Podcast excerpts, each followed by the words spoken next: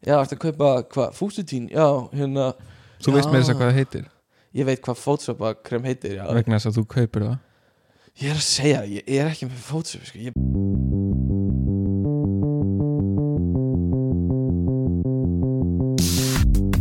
Halló er eitthvað að frétta Já það er ekkert að frétta Já það er ekkert að frétta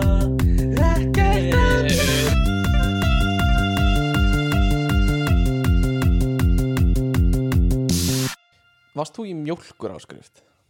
Með minnir að það hafi verið í mjólkur áskrift ef þú hugsar bara svona um það hvort þú hefði einhvern veginn séð með drekka mjólk. Já, já, já. Sem ég hef.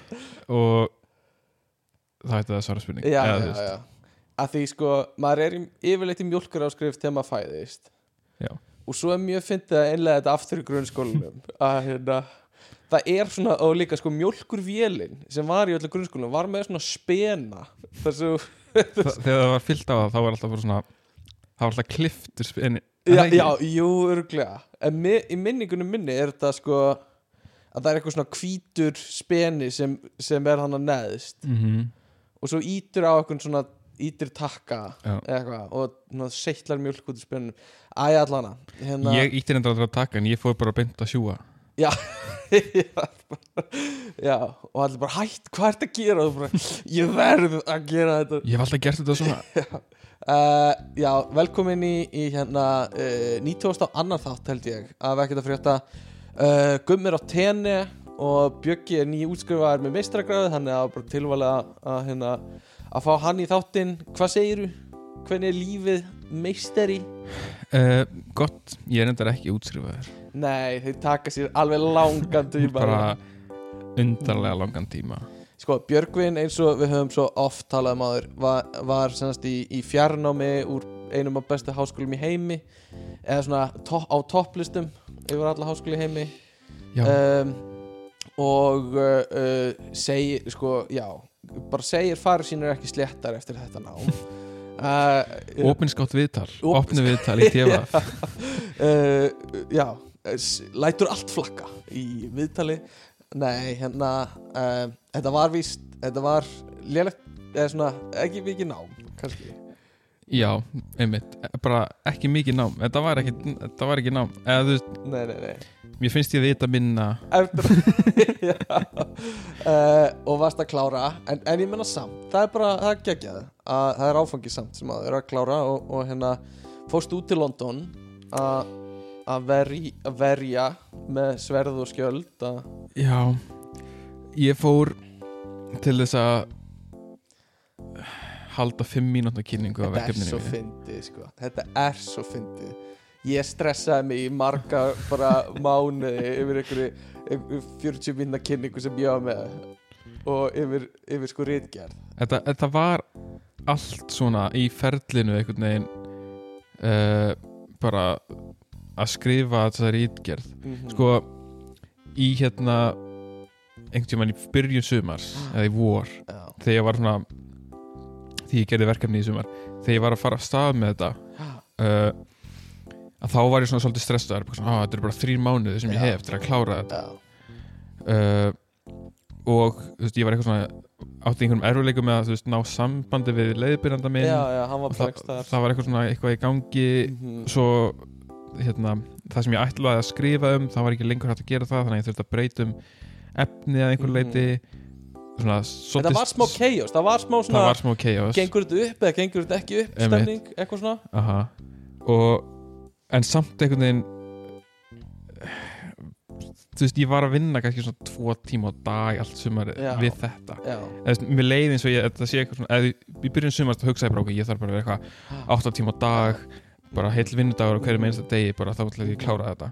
Ég man eftir því.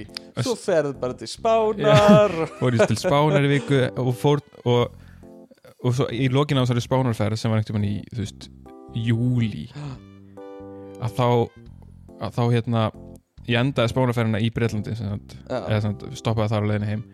Hitti leiðbjöndan minn í fyrst skipti og fór í fyrst skipti inn í skólan minn. Mhm.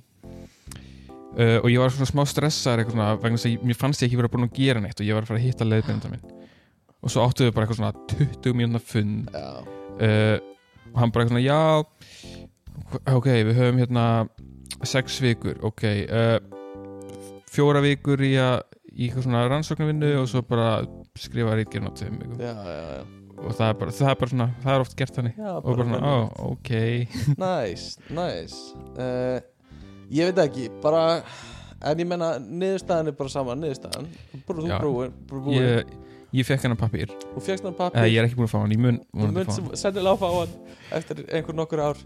Um, fyrir mér er þetta bara svona þetta er dýrasta prentsmiðja sem ég hef átt já, við. já, já, já, einmitt. Þú veist, þú veist Þú hefði geta Já, nei, algjörlega Og stimpilverksmiða í rauninni líka sko. já, sem er uh, bara megasens sko. og, og, og þetta er klíka sem hann líka komin inn í skilur einmitt að þegar þú ferð á alla gala viðbörnuna þína í framtíðinni með öllu, Mhm. öllu hérna yfirstjætta fólkinu mm þá getið þið svona mm, yes, I went to Imperial. Eitthvað svona. Ég einmitt fengi einhver svona posta svona, já, núna er náminn eitthvað lokið þið er hluti af eitthvað svona alumna í hópnum eitthvað. Klíkan. Ég vil ekkit vera ég, ég vil ekki eiga samskipti klíkan sko. Um, nei, en það er gaman og, og hérna, þú ert frjáls maður og hérna nýbúin í námi og heldur áfram í námi það er hérna gott að að segja sér ekkert skilu við það Eh, ég verður ekki bara svona eilíðar stúdent, bara svona, að já. ég er búið með þetta nám, ok Ég hef pælt í því líka sko hvort að maður ætti að gera það sko mm um, ég held að sé svolítið þannig að þú festist í akademíunni að þú veist þú ert alltaf að taka einhverja nokkra áfanga já, og ert að vinna eitthvað smá og kenna stundakenslu Mhm. og ert 50 ára og ert ennþá bara að kenna einhverja stundakenslu og. Og er að fara yfir verkefni eða líka bara ég get alveg séð fyrir mér svona líf það sem Mm. er bara svona einhverju minimal vinnu eða bara svona þú veist, ekkit eitthvað svona að vinna af sér raskatið mm. heldur bara svona eitthvað þægilegt til þess að borga reikningana Já. og svo er maður bara alltaf að læra eitthvað nýtt bara, að, ok, ég fer bara einmitt. hérna að læri þú veist, Mhm. keramík, að ég fer Mhm. bara að læri húsasmíði eða Uh, ég fer bara að læra á, þú veist, trommur eða eitthvað og bara já, halda einhvern veginn lífinu já, já, já. skemmtilegu þannig þú vilt náttúrulega, þú hefur verið að pælja að fara í, í verk, svona húsgagnasmíð námskeið eitthvað, en allavega það sem ég ætla að segja er, ég hef stundum pælt í, ef, ef það væri borgarlaun skilur og þú þyrftir ekki að vinna þú gæti bara leikt íbúð í einhverju útkverfi sem er kannski 60 fermetrar eða eitthvað uh, á þess að vinna og átt fyrir mat skilur mm -hmm.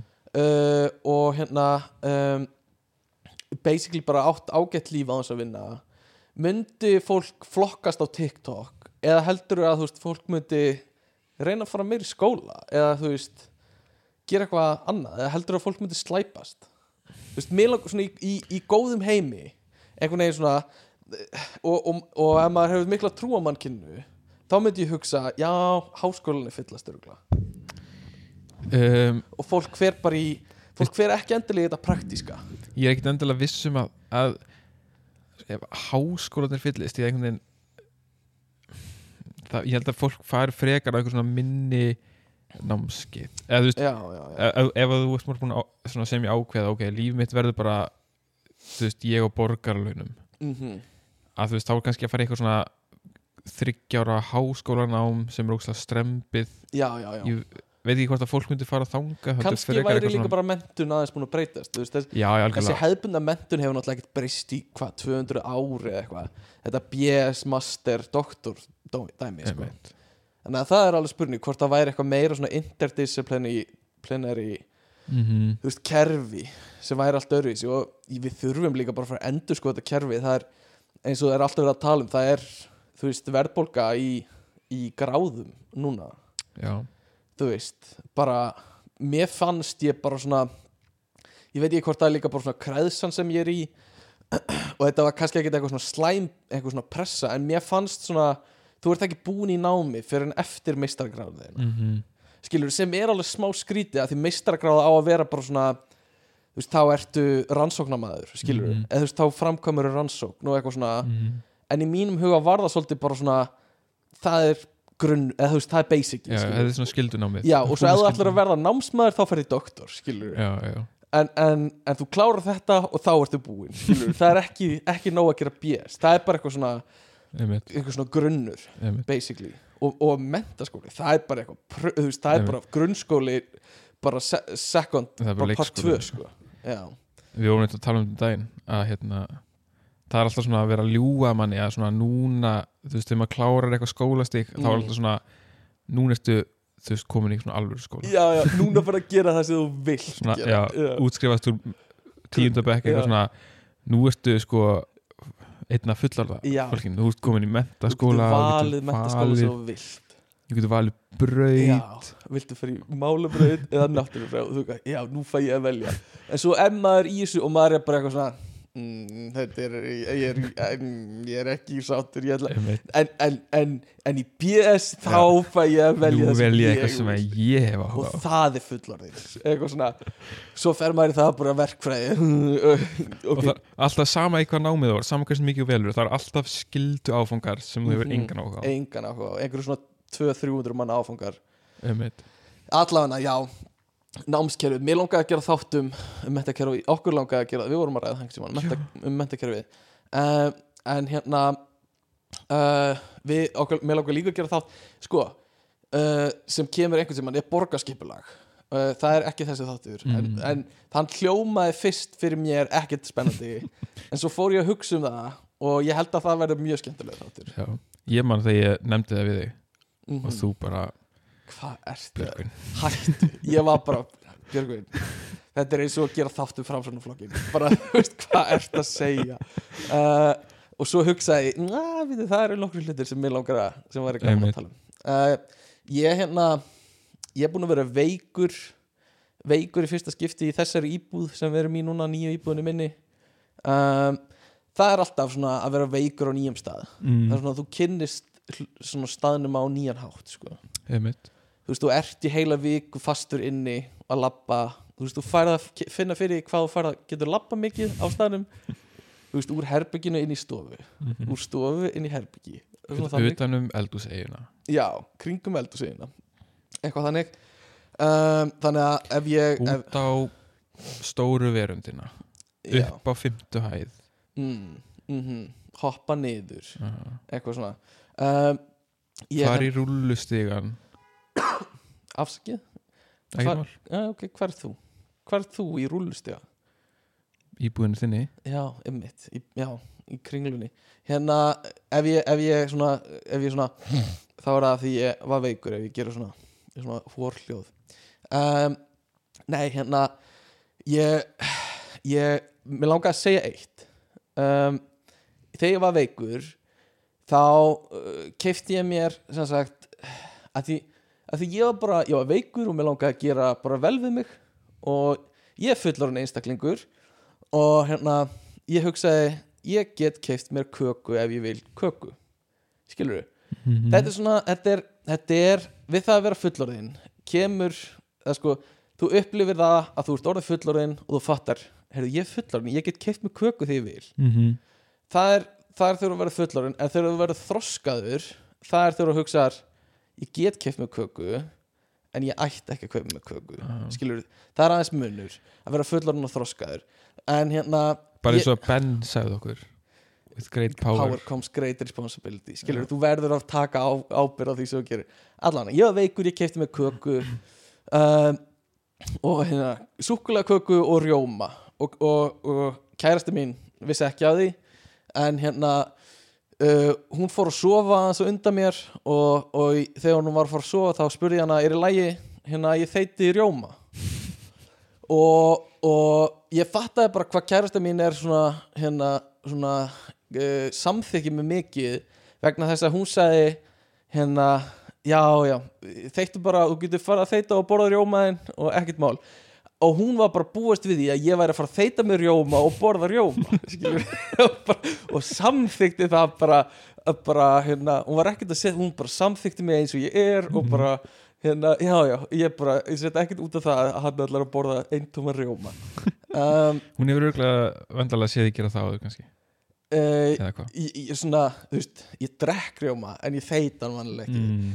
en hérna, en þá þeitti ég mér rjóma og borðaði súkulega köku smá vombrið, alltaf ekki að ljúa Skil- svona köku var það bara kakul bónus? Já, bara svona krónu, einhver svona Ah. hálf einhver svona, ekkert frábær ek, ekkert frábær. Og, og sá eftir í, skilur þá kemur aftur ábyrðin skilur, Mhm. þú veist, þú þú, eða þú svona lætur eftir öllum Heldurðu að þú hafi verið eitthvað svona með eitthvað svona þókukenda hugsun þegar þú ákvæðast Það er ákvæð Nei, ég, ég get alveg sagt þér af hverju ég gerði þetta. Ég, ég hérna uh, fór í krónun á leiðinni heim úr vinnunni þegar ég var svona aðverða veikur og, uh, og var svangur. Og þetta var alveg svona krónuferð þar sem ég var svangur og tók bara svona labbaði fram hjá hillum og greip bara allt sem ég vildi, ah. skilur og var ekki með, það var engin filter skilur mm -hmm, ég var bara svona, að mér líður illa og ég er svangur og ég bara gríp allt. Mm og svo er, þú veist, ég borðaði bara þessa, eitthvað, nokkra bita þessari köku og svo er ég með fullan skápa einhverju, einhverju nammi og einhverju drasli sem ég snert ekki sko um, en hérna, ég geri þetta líka alltaf veist, ég kaupi bara svona og hendi inn í skáp og svo fyrir ég aftur út í krónu og kaupi annan umferð og hendi inn í skáp og ég er með bara svona stakka af einhverju drasli sem ég er ekkert búin að borða sem er eitthvað svona, eitthvað svona óholt nammi, eitthvað Þú ert svona eins og að fyrir mig að Mm. koma til þín Já. er eins og svona uh, fyrir til ömmu sinnar. Ekki það að ég hafi tíma farið til ömmu minnar því ég var aldrei átt ömmu. Nei, en svona þú veist það er alltaf alltaf eitthvað í skápunum já, já, það er alltaf eitthvað í skápunum sko. og viltu ekki fá þér svona hérna hjá mér eitthvað svona, Aha. þú segir reynda stundum nei, ég er í njammi bindindi. Ekkert sem lætur mann að líða verð sko, ég er ekki í nammibindindi ekki lengur. Ég var aldrei í nammibindindi mm. ég bara hef mingan ymmi það er stór munur hef ég komist að svona andlega já, að hugsa veist, hugsa eitthvað þetta er bannað mm. eða hugsa bara veist, ég ætla bara ekki að borða og þú veist, þó að þú fáið þér einhvern tíman, þú veist, Mhm. að þú ert einhverstaðar Já. og einhver býður þér og þú eiginlega getur ekki sagt nei Já. og þá líður þér ekki eins og þú hafir svindlað eða því líður ekki eins og að þú hafið fallið, þetta er bara svona, Mhm. ég fekk byrð smá en þá líka er það svona þannig að líka að þó þú fáið þér þá þarfst ekki að hámið þig þá bara, þú veist, ég fæði bara smá. Og kemur bókiðin út fyrir jólin eða það sem þú ert að kynna kúr? Hún er komin út, hún er komin út, já, er þetta ekki svona, jú, þetta er svona viðtal til jú, jú, að kynna bókina? er, við erum að promóta hérna. Allir sem koma í, í þáttu promóta eitthvað. Um, nei, Nei. ég vildi bara koma þess að þetta er Nei, þetta er góð punktur sko. Sko. Þetta er alveg, ég get alveg trúið þessu. Uh, Annað reyndar sem ég var búin að tala við þig einhvern tímann, þegar við vorum í sundi um að mér langaði að prófa er hérna mér finnst þetta svo fyndi og ég hló og hló með bara einn með sjálfum mér þegar ég var að gera þetta. Er hérna uh, ég sagði við einhvern tímann að mér langaði að prófa að þú veist, þegar ég er að lappa út úr HR háskólanum, vinnunum minni þá er svona langur svona göngu hjólastígur í öskjuhlíðinni sem ég lappa yfirleitt að bílastæðinu mínu. Mm, og hann er yfirleitt frekar virkur svona þegar fólk er að fara úr vinnunni veist hjólar úr Reykjavík í Hafnarfjörð og fer eftir þessum göngustíg. Mm og ofta á bara svona flegiferð á hjólunum sínu fullt af fólki. Þú veist Mhm. ég mæti kannski fimm hjólafólki alltaf. Um, og mér langaði svo að prófa að hérna, mér finnst þetta svo fyndi, ég veit ekki akkur er hérna að, að þegar fólk svona þeitist fram hjá mér að ég er svona, svona mætast augu okkar í svona hálfa sekundu og þá segi ég svona nei blessa þér. Og svo þýtur það fram hjá mér á hjólunu og hérna og hann sko, annarko, ég veit ekki þú veist, hann hugsar bara, "Þek- hver er þetta, þekki hann? Eitthvað svona eða, eða hvort það stoppi eða eitthvað svona. Mhm. uh, en, en hérna, ég held áfram að labba, mér finnst þetta svo fyndið. Og ég byrjaði að gera þetta. Og ég gerði þetta nokkur sinnum, sinnum núna í síðustu viku. Hérna uh, að, að hérna ég, ég mætti einhverjum, einhverjum manneski á hjóli og, og svona, það þaut fram hjá mér og við svona horfumst í augu í smástund og ég eitthvað blessa! og svo zoom, var komið fram hjá. Og, og hérna og svo leiti ég alltaf svona aðeins við og manneskjan svona var líka svona eitthvað svona pæla á ég að stoppa, eða hver var þetta? Og mér finnst þetta svo fyndi og svo held ég bara áfram að labba. Hvað, eh, hven á hvaða tímapunkti er þetta hilsa þetta er oft uh, bara þegar þau eru kannski 5 metrum, 10 metrum frá manni mm, þá svona einhvern veginn horfaði á andlita á fólkinu sem það er að hjóla framhjá. Mm um, og hérna uh, sumir, sumir eða margir bara mót eða svona, svona hérna, að þau vita að þau eiga að heilsa eða einhver þekkir og hérna, þau fóru bara eitthvað svona automatíst eitthvað svona, mm, svona nikkuðu mig tilbaka. Og mér finnst þetta svo fyndið að að skera þetta sko, að því þetta setur fólk að, líka ekkert ólulegt við þetta. Hm, Nei, að heilsa fólki. Já, nei, ekkert ólulegt og hérna, þetta er svona eins og þetta er svona eins og um, þú ferð á pítsuna um, og uh, sér að það er einhver pöntun og þú segir já ég á þessa pöntun og borgar fyrir hana og tekur hana. Mm -hmm. en það er ekki eitthvað sem þú pantaðir heldur sem einhver annar pantaði. Skilur þú borgaði fyrir matinn. En þú ert að, mm, er það svona að vill á sér heimildir? Heimildir.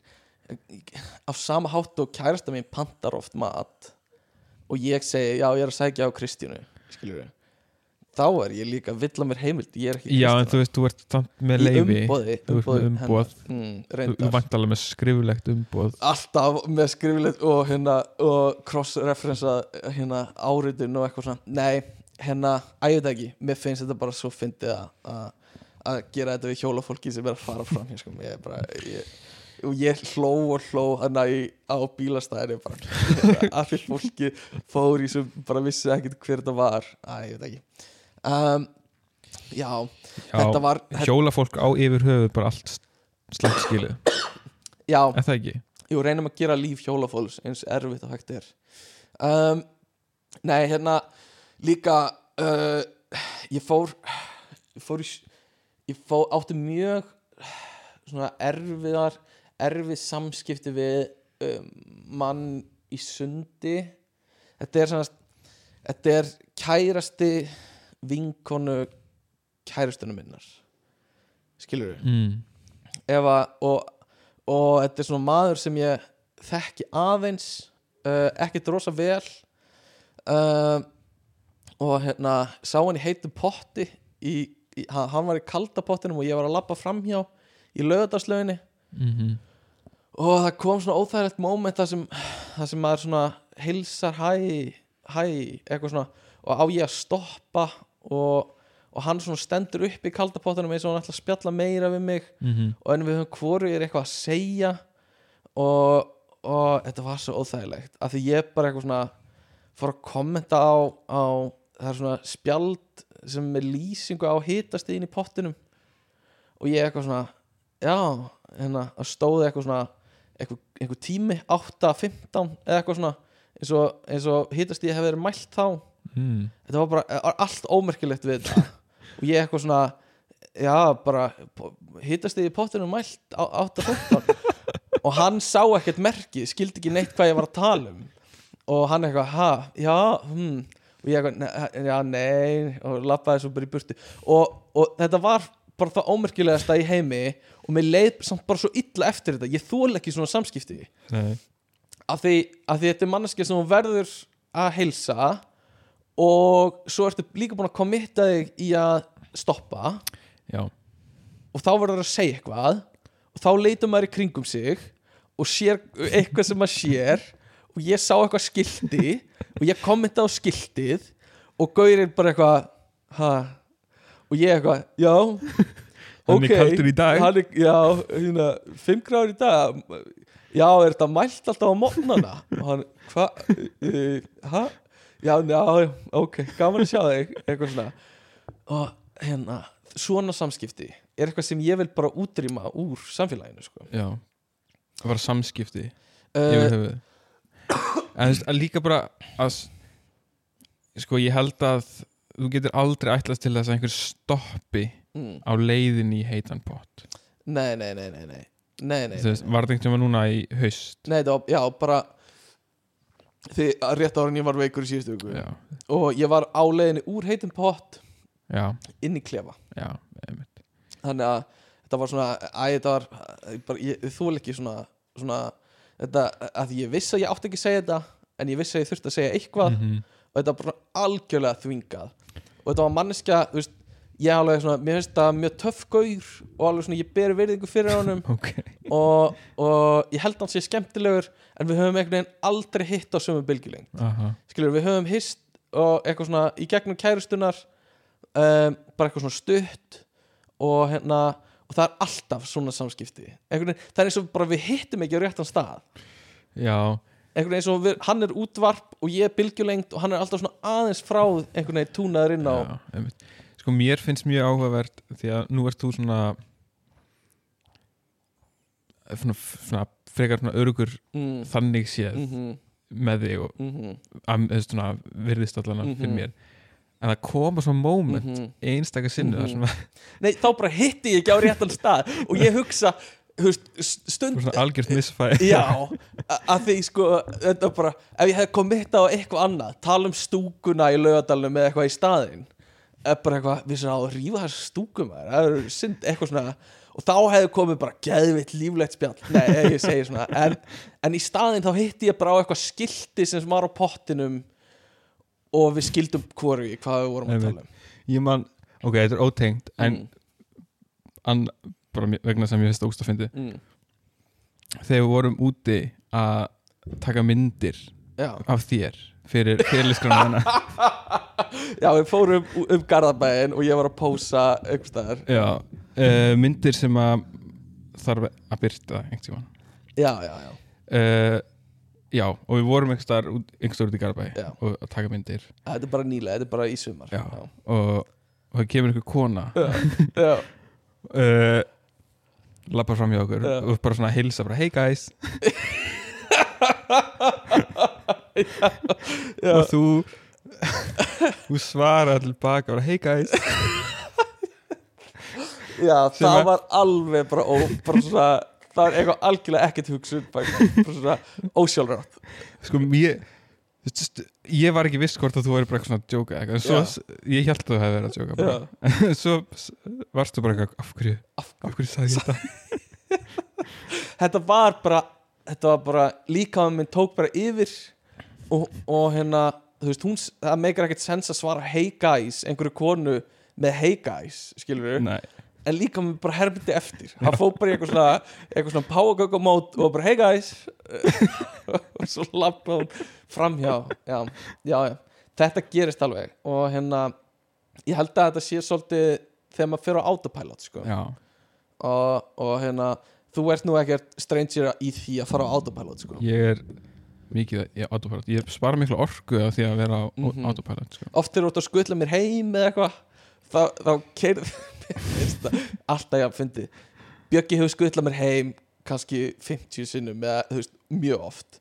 Og örgulega oftar já, já veist, bara, bara ma margóft og, og hérna á tímabili þegar hann bjó í Garðabænum þá keirði hann alltaf bara heim til sín í Garðabænum þegar hann vissi að það væri að skutla mér heim uh, og það var bara autopilot. Það var bara, varst ekki að hugsa og, en vissir að þú væri að keira mig heim en bara, bara fórst. En ég gerir þetta ennþá uh, kannski ekki með Garðabæin en Mhm. reyndar svona, það kemur einstök sinn fyrir mm, þegar ég er á leiðin einhvert uh, þú veist, sem er lengra heldur en kópavóðurinn mm og ég er svona komin inn í Garðabæ að þá fer autopilot að stað og ég fer aftur heim. -hmm. Þetta ég hef aldrei farið alla leið heim Nei, en ég er svona, byrju, þetta var ekki rétt beigja áhugavert Eh, einmitt.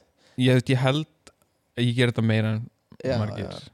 einmitt, ég, ég- já, ég get alveg trúið eða ég sé bara svona ógeðslega heimskur ég get ekki tala við farþega og já, þegar ég lendi líka í þessu leiðinni ef ég er að tala við mm, kæristunum mína mm, og við erum bara leiðinni heim að það Mm. bara bruna fram hjá beginni eða eitthvað. En ég þetta hljóma eins ógsla eitthvað svona vandamál sem allir lenda í, mm -hmm, en ég vil bara undistrika það já, að ég ger þetta meir en aðri já, já, nei og ég bara við, hlustendur verða við hann, hann, þetta gerist alveg og þú veist, þetta kom kannski fyrir stundum f- kannski þreis fyrir röð eða eitthvað. Þetta sem er, sem er mjög fyndið. Um, Já, að ég veit ekki. Ég veit ekki hvað, já, bylla mikið meira sko, ég, ég annað sem mér finnst bara skemmtilegt sem ég langaði að segja er ég er svolítið hrifin af svona hverfisbúðum. Og eins og einu fossvæginum erum við líka með hverfis svona nikotínuverslun aha. sem er póló. Og mér finnst bara svona gaman að sjá hvernig svona hverfið uh, tekur þátt í því. Að sjá svona gamla kalla og gamlar konur koma svona lappandi upp í póló mm. sem er einhvern veginn svona fyrir mér gæti verið bara svona glæpabúð sem er peningaþóttastöð aha en ef maður er eitthvað hann í kring og sér bara svona fólk úr hverfinu koma í pólóbúðuna sína að kaupa sér nikotínu sér. Þið er náttúrulega með ágætið svona kjarna hérna Svona versluna kjarna Já, Grímsbæ. Það er alltaf frábær andiðin í fósvæðinu sko. mm og hérna uh, það, þegar maður flytur í fósvæðin fær maður svona talking points. Hvernig maður á að tala um fósvæðin mm. og fyrsta sem maður á að segja er bara hvað er frábær andi í hverfinu? Mm og hvað er gott að hafa Grímsbæ hérna. Ég get ímyndað mér, sko ef að Grímsbær var í öllum hverfum mm þá væri engin vandamál til að tala um. Nei, í rauninni ekki sko. Þá bara, þú veist, fólk færi bara og leisti sín vandamál í Grímsbæ skilur og eins og við gerum öll við hittumst yfirleitt í, í Grímsbæ og, Hjá, í Fossvæginum er ekki húsfélagsfundir. Nei, það er bara allur Fossvægin hittist í Grímsbæ Mhm, og ræðir bara allt já, já, og útklár, Mhm. útklár, útklær út, útklær útklær eins og köttum þetta dreigða því þegar kettir fara út með klæna sínar uh, já, æ, mér er bara svona hverfisbúðir krútlegar og eins og nýja ég á reyndir eftir að skoða hana en það er ný svona hverfisbúð í urriðaholtinu í Garðabænum sem er Mm. starfsmannalaus Mhm, sem er langar svolítið að prófa og sjá hvernig er sko. mhm, að, og ég get alveg trúið að þetta sé einhvers konar framtíð sko. að, mhm. að það er bara eitthvað útibú og þú veist, þetta verður bara stokkað upp á einhverju róbótum sem koma bara að fylla á allt sem þarf að fylla á Mhm. og svo bara kemur fólk inn og bara allt í göngufjalla það er Mhm. kannski á fimm götu fresti eða eitthvað, er svona Mhm. lítið hotn Þetta er svona kaupmaðurinn á hotninu mínus Mhm. kaupmaðurinn já, já, já, þetta er bara á hotninu basically og hérna eh, Enginn á hotninu já, enginn á hotninu og, og þú veist í rauninni bara eins og að all- allar götur séu með svona búr einhvern veginn svona Mm. byrðarbúr Mhm. hjá sér uh, og er bara í göngufjöla skilur Mhm. og getur bara að fara inn og labba út og það er bara, þú veist, sjálfur andleitt skanni eða eitthvað sem skannar Mhm. hver er að kaupa og, Mhm. Og hérna, eitthvað svo leið sko. Mhm. Það er náttúrulega besta við þessa sjálfvirkni væðingu mm. er hvað maður þarf ekki að eiga samskipti við hana já, já, já, sem bara eiginlega bara komum við aftur inn á það sem ég var að tala um á hann sko. Uh, það er alltaf lægi kannski að hitta einhvern sem þú þekkir í búð uh, kannski alltaf lægi uh, þetta er svona eins og vorum að tala um einhverju þætti um daginn að ég saknaði að vera með grímu af því þá var maður svona anonymous Mhm. uh, en Gummi var að benda á að hérna að ég, þú veist ég er alveg þekkjarlegur þó ég sé með grím ég var kannski að blekka svolítið sjálf á mig Já, að, hérna, um, en hérna ég hef allavega þá afsökunum að ég get þóst ekki þekkja manneskjuna Mhm. hina manneskjuna Mhm. um, en hérna uh, uh, já, að bara það, samt, mín helsta martröð er að fara í sko livju eða eða eitthvað svona apotek Mhm. og tala við starfsmann sem ég þekki Mhm. þú veist, ég vil ekki þú veist, ef, ef, þú veist, ef ég er að fá kaupa eitthvað fótasveppakrem eða eitthvað ekki það að ég sé ég er ekki, ég er ekki með fótasveppi sko. En Það er hérna, samt allt í lægi ef þú ert með fótusveppi ég veit Það. Er eðlilegt að vera með það, en ég nenni samt ekki að, að hérna, já, ertu að kaupa hvað, fúsitín, já, hérna Þú veist Já. með þess að hvað það heitir. Ég veit hvað fótsveppakrem heitir, já. Vegna þess að þú kaupir það ég er að segja, ég er ekki með fótsveppi sko. ég er búin, ég búin að segja þetta svo oft sko. ég segja þetta hvers skilt sem heitir um, en hérna uh, nei, mér, já, bara burt með allt, allt fólk ég bara, bara tala við robota hérna um, en, en kaupmarinn hókninu er svolítið svona gamaldags svona hugmynd uh, og örgulega margir sem sakna þess að geta tala við sinn sinn kaupmann Mhm. Uh, og sakna þess að fara í búðina og, og hérna, já, skrifa þetta bara á mig eða eitthvað svona. Setja þetta á reikningin um, en, en hérna skrítið að gera það í hagkaup núna.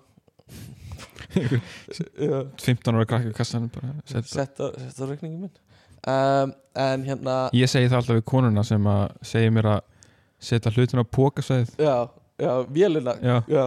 sett þetta á reikningi minn. Eitthvað uh, en, en það er svolítið líka kemur kannski inn í það sem við ætluðum að tala um í dag er hérna nostalgía mm um, og þú tókst svolítið stjórnina í þessu já. Uh, og hvað hva er nostalgía? hvað getur þú, fortíða þrá finnst það gott, góð þýðing á nostalgíu? Já, ég held að það sé ágætt Mhm. íslenskt orð yfir nostalgíu sko alltaf eðlilegt að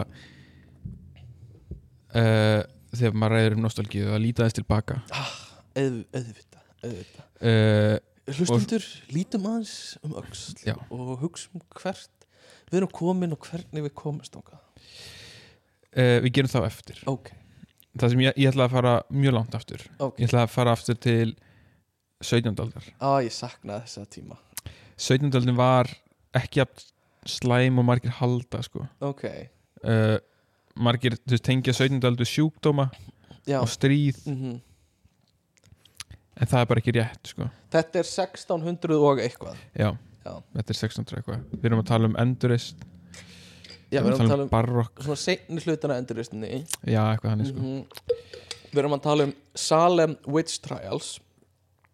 Það voru þú veist, góði tím það voru góðu tímar. Mm þú veist, kona sem kann að reikna hún hlýtur að vera norn skilur þetta er, er bara kona sem er vel máli farin brennum hana skilur já, já, já. Uh, nei, sko, ok. Uh, það sem ég ætlaði að tala um bara þetta orð, nostalgíu. Uh, sko, nostalgía er ekki nostálgíja var ekki fundin upp mm. sem tilfinning Nei. á sunnindöld hmm. en orðið var til á sunnindöld já, já, já, já, já Þú ert ekki að segja mér að fyrir 1700 hafi enginn fundið þess tilfinning nei nei nei, nei, nei, nei Það er ekki þannig sko. okay. uh, En það er hins vegar og það er eitthvað sem við ætlum kannski að ræða eftir mm. hvers konar nostálgíu fólk fann ah. uh. fyrirvaldum en Taland um það, pældu í því það hefur enginn fundið fyrir tilfinningunni að sakna snjált símansins fyrir bara fyrir kannski 15 árum. Það er tilfinning sem hefur ekki verið til áður. Það er enda rétt. Er og, rétt, og þessi svona snjálsíma uh, uh, kvíði og þörf. Aha, fík bara, já, fík, bara segja. Já, akkurat. Það sem ég ætla að segja er mm. orðið nostalgía. Yes, uh, það er mjög fyndið ekki orðið, en það sem ég ætla að segja eftir ó, fyndið. hvað ég er ógislega spöndu ég elska þetta, þetta þessi uppbygging. Ok, sko þetta orð þýðir bókstaflega heimþrá uh, þetta er eitthvað svona gríst orð. Og hérna og þetta var fyrst notað hérna, sem sko sjúkdóm nafn á sjúkdómi, eða svona heilkenni. Ári á 17. já, á sundöld, að vera einhver belgísku læknir eða eitthvað sem að sem, að, sem fann þetta upp. Og notaði þetta yfir hermenn sem að voru með heimþrá. Já, hann hefur verið inn á skrifstónu sinni að hámísu vöflur.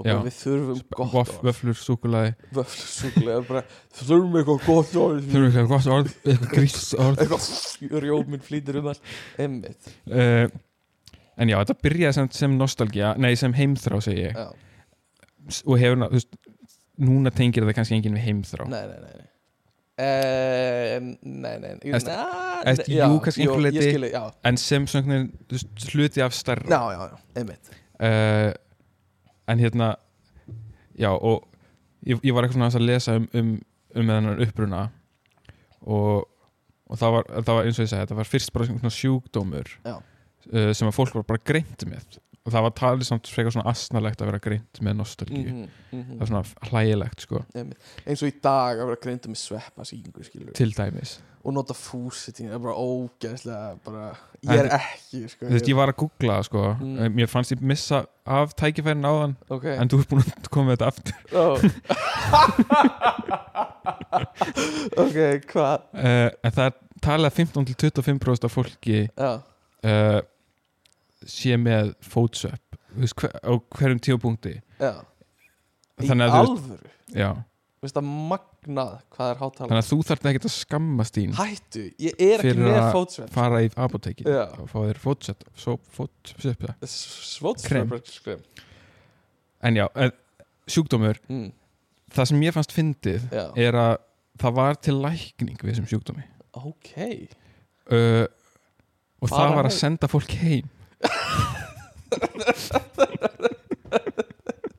uh, hæ, Sem ég er- er aldrei gruna Nei, bara hver, hverjum datt það í hug? Hver hefði gruna er þetta segja mér uh, uppgötun aldarinnar, já, 17. aldarinnar. já, en en, byrju, er þetta sko viðkenda lækningin á þeim tíma eða er, þetta, er þú bara að hugsa Nei, nei, nei, Þa, ég las þetta eitthvað svona, þú veist, þetta var fyrst sjúkdómur mm, og bara svona meðferðin eða svona viðurkenda meðferðin eitthvað, ég man ekki hvernig það var orða, var bara að senda fólk heim. þeir voru náttúrulega langt á undan sinni samtíði lækna á vísindum á þessi tíma sko. svona, blóðtaka mhm. og senda fólk heim. Já, já, var- já, já, þetta, þetta er annað bara, ertu búin að prófa bróðtökuna já, ég er búin að prófa allt. Ok, ertu búin að prófa að senda hann heim? Bara, ég, ég bildi, gera það, prófa það? Jaha. Uh, en já, það er svona en auðvitað er nostalgía miklu eldra fyrirbæri heldur en það frábæru uppgötun sko. en hérna þú veist, nostalgía, það er alveg nokkra tegundir af nostalgíu, Mhm. er það ekki? ég myndi alveg segja það sko. Uh, en allavega svona, þú veist, tilfinningar sem mann finnur Mhm. sem svona mm, maður getur svona grúpa saman veginn, svona, mm Mhm. þetta er svona nostalgíu Mhm. tilfinningin þó að getur gert kannski greina mun á svona já, einhverju. já, já. en náttúrulega fyrsta er kannski bara þetta hefðbundna svona, þessi, þessi fortíðar þrá eða svona minnast horfina tíma. Já, og oftast þá eigin fortíðar. Uh, og þú veist, það er einhver, einhver ákveðin tími í þínu lífi, staðir eða fólk sem þú hefur já. hitt á samskipti við. Einmitt. Mér finnst, talandi um þetta svolítið áhugavert fólk sem, sem segist vera með nostalgíu fyrir tímum sem það hefur ekki upplifað. Já, það er önnur tegund á nostalgíu Já, ok, sem að ok. er á listanum mínum. Vá, ótrúlega Ok, uh, tölum við það eftir. Já, uh, sko hérna ég, ég las eina svona mjög áhugaverða skí, eða svona skilgreiningu á nostalgíu. Mhm, mhm. uh, vegna þess að þetta er, þetta er alltaf einhver svona einhver hortnum tímar sem við einhvern veginn viljum upplifa aftur. Já, en við viljum bara upplifa góðu, góðu stundinar Mhm. stundunar, góðu partana. Mhm. og jafnvel við bara gleymum hinn það er bara algjörlega sko. Og hérna og ein- eins og ég segi, ein skilgreining sem ég las var minningar þar sem sársökin hefur verið fjarlægður Ok, vá, já. Svona mjög svona poetic, svona Mhm. ljóðrænt en, en, Mhm, en svona hm, mhm. já, Algjörlega sko uh, Ég held að þetta sé stór partur að því. Um, Fyrir mér er þetta líka og ég veit maður, það er erfitt einhvern veginn að negla niður en oft sko er þetta ákveðin tilfinning? Eða svona, svona eða svona eh, fara aftur í ekki bara ákveðna minningu heldur líka eitthvað svona emotional state? Já, já, skilur að uh, eins og við tölum kannski betur um það eftir en, en, en ef ég heyri ákveðin lög mm eins og ég var að hlusta rosa mikið þegar við vorum að byrja í MR á hérna Coldplay plötunar gömlu eða þú veist, fyrstu Coldplay plötunar Mhm. það voru kannski tvær, þrjár -hmm. og ég hlustaði bara á þær endalaust alltaf Mhm. á, í leðin í skólan og eitthvað svona og ef ég heyri ákveðin Coldplay lög Mm þá fæ ég bara svona bara svona tilf bara einhvern veginn emotional stateið sem maður var í Mhm. bara í bara fyrsta árunum mikill Já, trigger. sko. algjörlega ég tengi alveg við það, við það líka mm. bara, já, ég held að tónlist sé Já. sérstaklega upplug þetta er mjög áhört ég held að ég held, satt best að segja að öll skilninguvitin reyndar séu kannski minnst snerting já, en, en já, klárlega tónlist lykt er samt alveg líka mjög sterkur já, ef maður finnur lykt af ylvatni hjá mannesku sem maður var kannski mikið með á ákveðnum tíma í Já, lífsinu uh, og hérna og svo líka sjónin alltaf bara einhvern veginn gefið Já, skilur, þú veist, þú, þú sérð Windows 95 merki og þú bara, vá, ég man eftir túpu skjánum sem ég var með upp í heima Mhm. upp í stofu í gömlu tölvunni, eitthvað svona. Mm uh, en en af svona á mínu netvafri í kringum hennar þátt er eiginlega tónlist samt, eins og þú segir oft mjög ábyrjandi já, að hérna bara nostalgic og bara næsta suggestion er eiginlega alltaf songs. Mm einmitt. Það er bara, það er eins og það, bara góð punkt bara eins og það sé mjög ábyrjandi sko. Það er, það er hérna ég hef mitt gerði svona svipa svipa rannsóknir. Mm. uh, þú veist, ok, svolítið djarta kalla það Já, það er rannsóknir aðtöðanir aðtöðanir, já. Uh, já, og ég var eitthvað svona ég, ég fór um þetta á ég fór á Spotify og, og bara svona Mhm. með einhver svona nostalgíu playlistar mm -hmm. og þá svona einhvern veginn, þegar ég fór að skoða það þá fór ég að fatta einhvern veginn, ekki það, þú veist, auðvitað er það frekar augljóst hvað nostalgía er personubundi fyrirbæri já þú veist, ég, þú veist, það voru fullt af einhver svona nostalgíu playlistum mm -hmm. og veist, ég tengdi ekkit við þetta Nei, þú veist, ekki þannig þú veist, einhvern veginn, hver og einn verður bara að gera sinn eigin nostalgíu playlista algjörlega, algjörlega þú veist, þetta getur get, verið með eitthvað svona 80s Mhm. super hits Mhm. og þú veist, það er kannski einhver nostalgía í því fyrir suma en, en það er samt svolítið yfirbúrskjönd einmitt. Mér, sko ég veit ekki hver, hvernig þetta tengist kannski beint en, en hérna þú veist, á þessum tíma uh, í sko, byrjun mentaskóla er einhvern veginn rosalega sterkur tími fyrir mig, mm -hmm. fyrir alls konar svona fortíðar flashback, sko.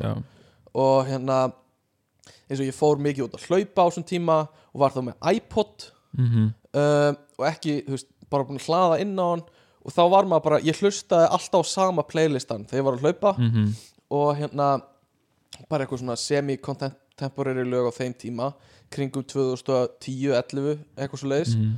og þú veist, maður var bara komin í, í það að þú veist ég hlustaði á eitthvað, eitthvað Coldplay lag og svo vissi ég þú veist, svo bara var heilin conditioner í það að næsta lag var Bad Day með Daniel Powder, eða eitthvað svona. Mhm. og, og, og núna, þú veist, ef ég heyri aftur Coldplay lagi, þá hugsa ég ennþá ah, næsta að lag. næsta lag er uh, Bad Day, eitthvað svona. Um skilur og þá, maður þú veist ég veit ekki, þetta er eitthvað svona þetta er kannski alveg nostalgi, en þetta er eitthvað svona maður er ennþá conditionaður í heilinu sínu. Ég held að um, ég held að bara svona úlingsár þessi Mm. tími er náttúrulega ógæslega mótandi tími, einmitt. þannig að já, það hefur auðvitað pottið sko algjörlega áhrif sko. og þú veist, ef maður myndi ég hugsa bara, ef ég myndi fá pasta sem var í mötuneytin í MR mm -hmm. uh, með pítusósunni svona drulla yfir, ég myndi bara fara að gráta sko. græmitisósa eða pítisósa græmitisósa Aha, já. ég var fyrst í pítisósni svo smakkaði ég græmitisósuna og það var svona ákveðin fjölskylda mín uh, ég ætla ekki að ljúga, bara að leggja þetta spilun á borðið. Fjölskylda mín er bara með mjög sterk tengsl við græmitisósu sko. E. Finnsson græmitisósuna bara hérna uh, amma gerði alltaf samlokur upp í sveit með græmitisósu ok. Bara svona með græmiti og græmitisósu Aha. og bara alla æskuna þarftu grænmiti eða þú ert með grænmitisósu Nei, þetta er náttúrulega bara mauka græmiti Þetta er- náttúrulega bara majónis og mauka græmiti og amma setti bara samlokubröð drullaði sósu og lokaði uh, Nei, en hérna uh, Já, ég er mikill græmitisósu maður sko. talandi um pasta í MR mm. ég fór uh, upp í eða svona, ég fór nýr bæ, lagði þarna hjá MR Mhm. um daginn Mm og ég sá þetta box eða svona box sem Já. var alltaf sem pasta var alltaf í Já. Þetta er svona eins og maður fær oft mat í nings eða núðlur hrísgrón eða eitthvað og hérna ég man, mér, mér, minnir, mér minnir eins og ég hafi séð eitthvað svona fetaostbita eða eitthvað svona pastabita í þessu boxi mm.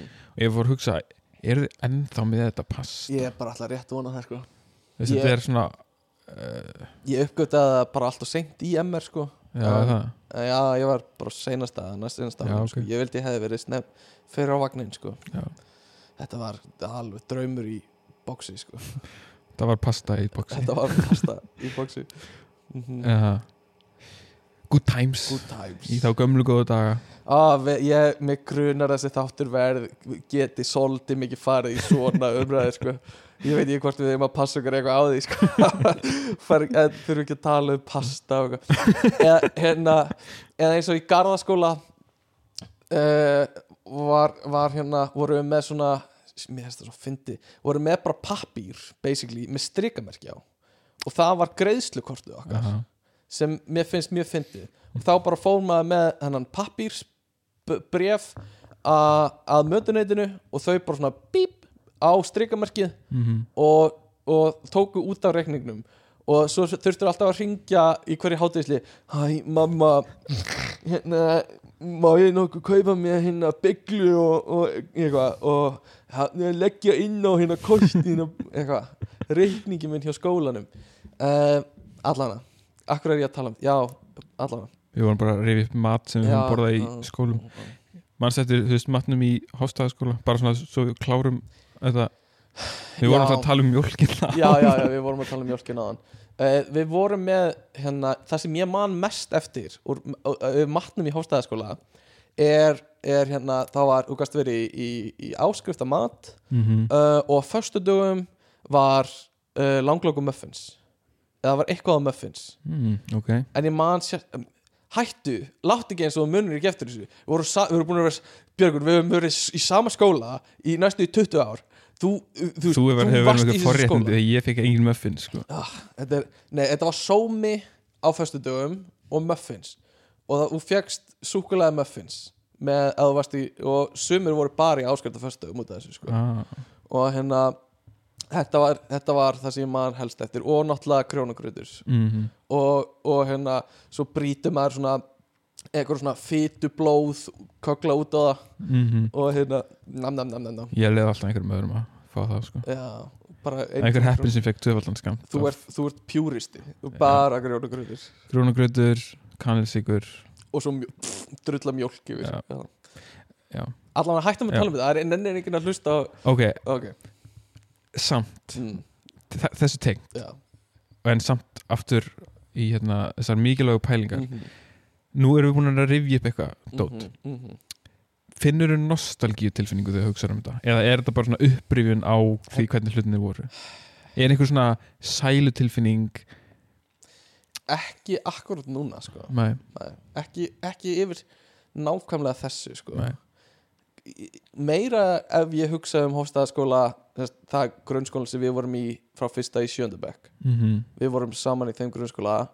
Uh, meiri nostalgía þar er bara eins og eins og kneks og kaplakubbar mm, ég fæ mei, svona, ef ég á að þvinga mér einhverja nostalgíu tilfinningu að í fríminútum að fara að byggja úr kaplakubum turna, mm það finnst mér það er alveg svona, mm, þetta var það er gaman, manstu eftir kaplakub Já, já, já, algjörlega. Þetta er bara svona tré fyrir fólk sem var ekki með kaplakupa þetta eru svona, við vorum náttúrulega í garðabænum þetta eru svona gullstangir sem voru nei, þetta eru svona tré, litli trékupar og bara hlóðst þeim upp. Basically, það er ekkert flokknar en það.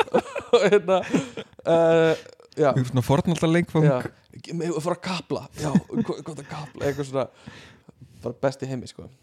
Já, já einmitt. það er svona áhugavert þú veist, maður rifjar alls konar upp en það er ekki endilega nostalgía nei, sem fylgir því sko. alls ekki, sko en hérna já, þetta er svona minningar um, einhvern veginn sársökalausa fortíð sko. mm -hmm.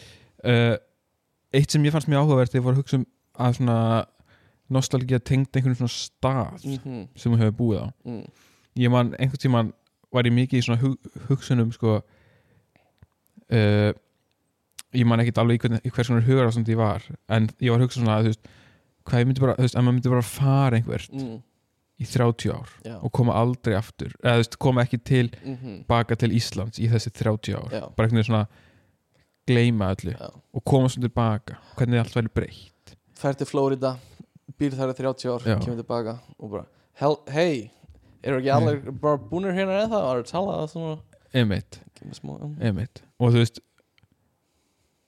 myndi maður finna eitthvað svona nostalgíu ég held það sko ég held ég held að þú myndir búa í Florida í 30 ár, koma tilbaka og, og þú þyrftir ekki meira heldur að sjá umferðarskiltin á Íslandi, Mhm. að þau eru öðruvísi skilur já, og ég, ég held ég held það sko þetta er náttúrulega mjög svona þekkt uh, hvað segir maður, minni Mm. úr bara svona menning eða svona þú veist, kvikmyndum og svona eitthvað svona Mm. sem kemur tilbaka í heimabæði sín þetta er, svona, þetta er kannski Mhm. meira svona bandaristæmi Mm. þar sem þú ert í elst upp í einhverju smábæ já, já, já, og svo flyturu í Já. stórborgina þú veist, í einhverju fylki sem er Einmitt. með tíu önnur fylki á milli látt ekki eins og þetta sé ekki í Íslandi þú elstu upp á Selfossi og flyttir svo í Reykjavík og kemur svo aftur Al- á Selfoss 30 árum bara hvar er eitthvað Einmitt. Mhm. Nei, já, en þú veist uh, já, þetta er mjög algengt svona í kvikmyndum svona þema, svona að koma tilbaka og allt er. Annarkvort, þú veist, en það er alltaf allt eins. Eða svona annarkvort Já. allt óksla eða það er alltaf allt bara eins. Já e, sko smá ekki þannig er þegar ég fer núna í miðbæ. Af því það er búið að breyta já, e, já, Hafnartorg er bara já, þú veist, það er bara alveg nýtt síðan við kláru þú veist, við vorum í miðbænum á hverjum degi í fjögur ár þegar við vorum í mentaskóla og eftir að við hættum í mentaskóla þá er miðbærin búin að breytast rosalega mikið. Mm sérstaklega í kringum Hafnartorkið og mér líður stundum eins og hann að gurnum í endanum á Planet of the Apes þegar hann Mm. sér frelsistittuna á ströndinni. -hmm. og hann svona fellur í jörðin og er bara no, eitthvað svona Mhm. "What- look what you've done! Eitthvað svona. Og ég er oft bara á lækatorki og bara á, og bara á njánum bara hvað hafið þið gert við höfnina? Eitthvað svona. Þá er þá er einhvern veginn búin að breyta því sem var. Mhm. Áður og ég sakna eitthvað svona uh, vondu bárjárshús En þú saknar einhver bílastæði sinns við kólaportið Nei, maður saknar maður saknar heimilislegu tilfinningarinnar að þegar þetta var öðruvísi. Einhvern veginn, þó að það sé betra núna. Einmitt. Skilur já, það þarf ekkert að vera að sé verra og, og þess vegna finnst þér að Nei. bara þú saknar þess uh, þú saknar þess hvernig þið leið þegar þetta var öðruvísi. Mhm. og nú er búið að breyta því og þá fattar að þú getur ekki verið aftur eins og þú varst. En það tengist kannski ekki endilega þú veist, hvaða byggingar eru eða hvort það séu eða hvort það er bílastæði eða ekki. Vegna þú tengir þetta alltaf við tíman Já, og, veist, og svo eru kannski í rauninni einhverja allt aðra góða minningar sem, -hmm. frá þessum tíma sem tengist ekki Nei, nei, nei, þú veist, akkurat endilega einmitt. þú veist, Algjörlega, hvað er sko. þarna á, hjá lækjatorki Nei, sko. já en svo annar, önnur típa af, af nostalgíu Mm. sem að hérna, einmitt það sem þú nefndir á hann nostalgía fyrir einhverju svona sem við höfum ekki upplifað sjálf.